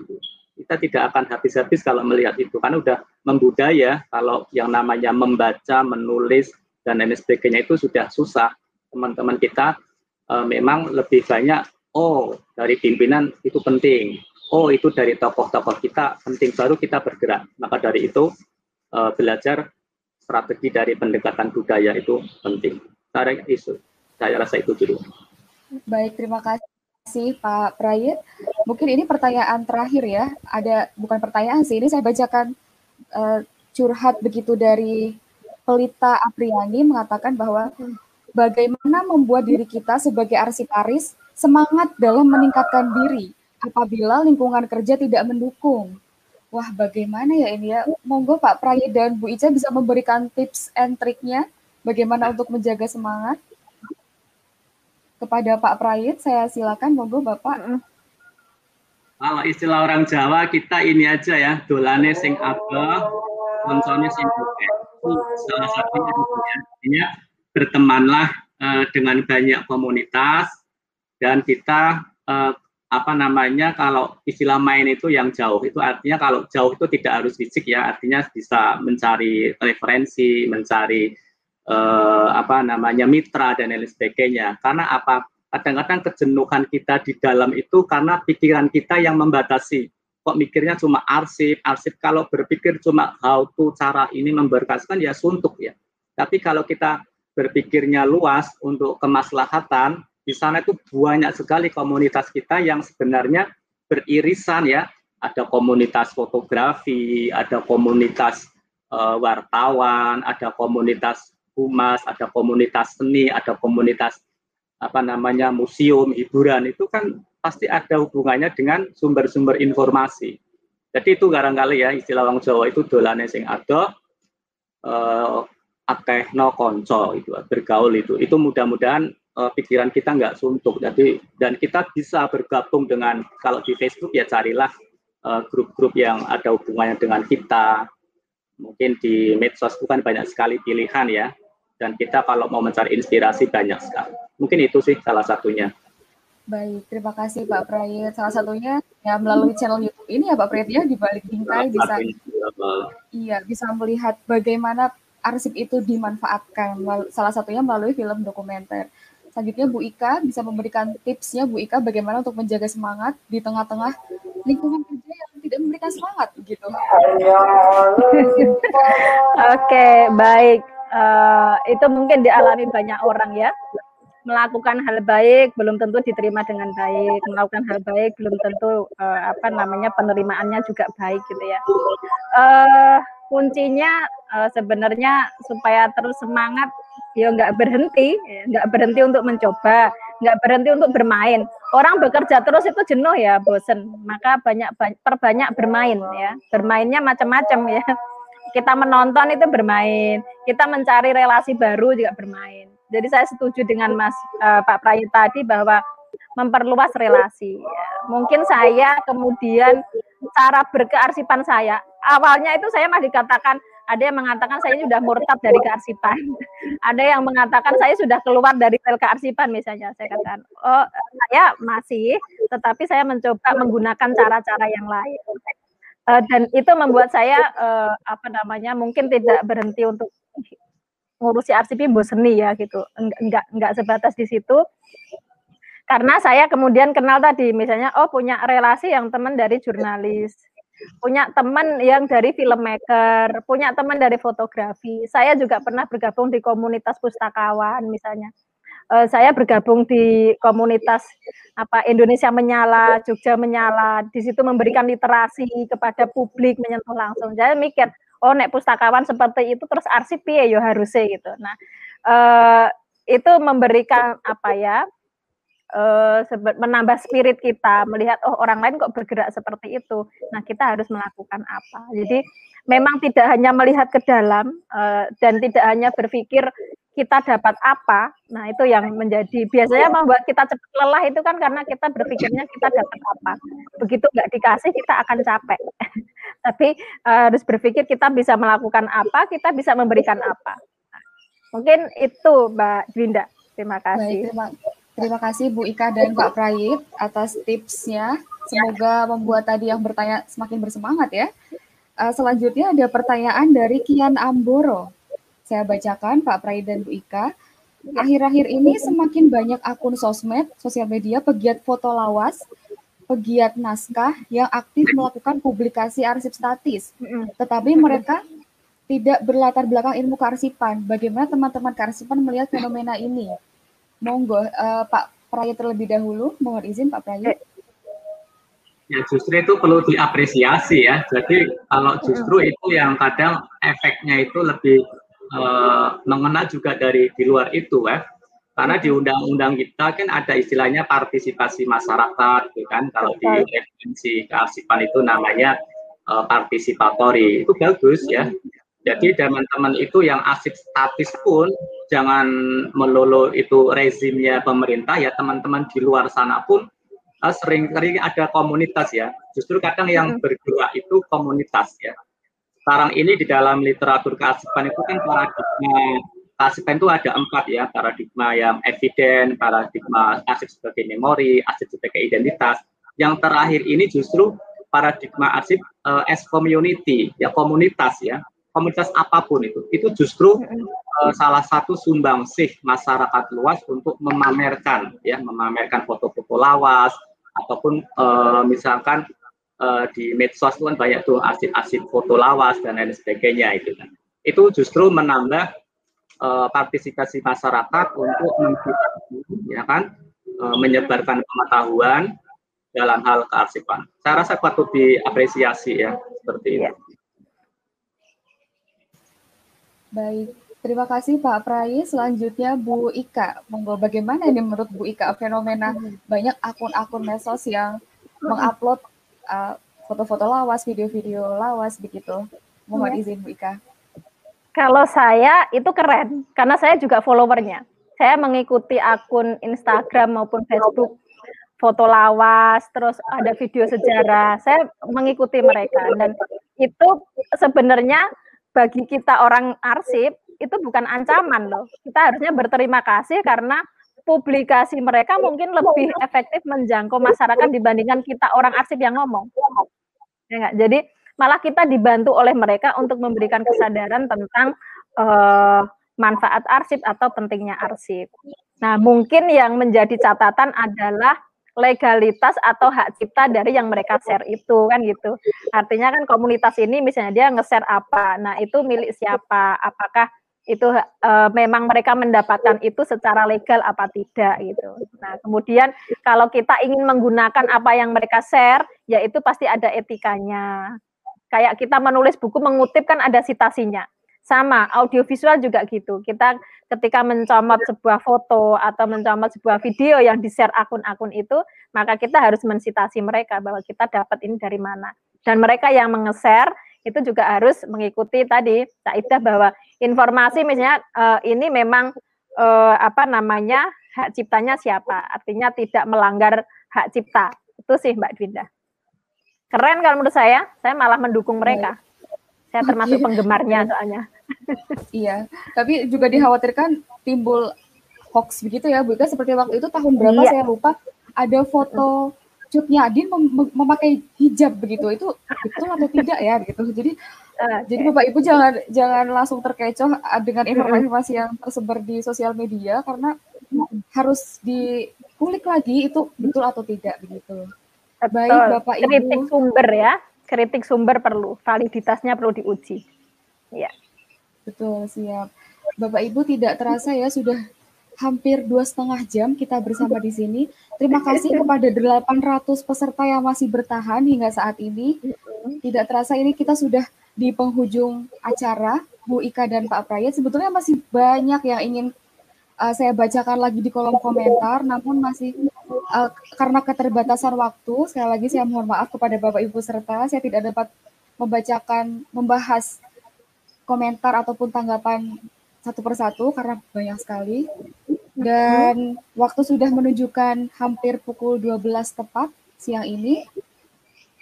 Bapak Ibu sekalian, uh, saya mengucapkan terima kasih uh, sudah bersama bersama di, bersama dengan di balik bingkai untuk uh, mengikuti webinar acara pada hari ini. Saya juga mengucapkan terima kasih kepada Bu Muslihah, Pak Suprayitno yang berkenan untuk menjadi narasumber pada hari ini. Dan saya juga mengucapkan terima kasih kepada Bapak Ibu yang telah mengikuti acara pada pagi hingga siang hari ini. Sekali lagi karena keterbatasan waktu, saya mohon maaf tidak dapat membacakan tanggapan maupun komentar di kolom chat. Bisa selanjutnya uh, dibahas di webinar selanjutnya ya Bu Ika ya? Bagaimana Ibu? Boleh, ya. Atau bisa juga berdiskusi dengan Bu Ika melalui sosial media, uh, bisa melalui Facebook ataupun Instagram. Bisa follow Instagramnya Pak Prayit dan Instagramnya Bu Ika. Terakhir dari saya, uh, saya saya Dwida mewakili panitia pada hari ini. Mohon maaf apabila ada hal-hal yang kurang berkenan. Terakhir ada pantun penutup dari saya Bapak Ibu. Makan manggis, jangan dibuang kulitnya. Buah semangka, manis rasanya. Mohon maaf apabila ada salah kata. Sampai jumpa di webinar selanjutnya. Terima kasih. Wassalamualaikum warahmatullahi wabarakatuh. Tetap jaga kesehatan, Bapak Ibu. Terima kasih, Bu Ika. Terima kasih, Pak Terima Prayit. kasih, terima kasih Ma, Pak Prayit, Mbak Dwinda. Terima kasih Bapak Ibu semuanya. Sampai ketemu di acara-acara selanjutnya ya. Oke.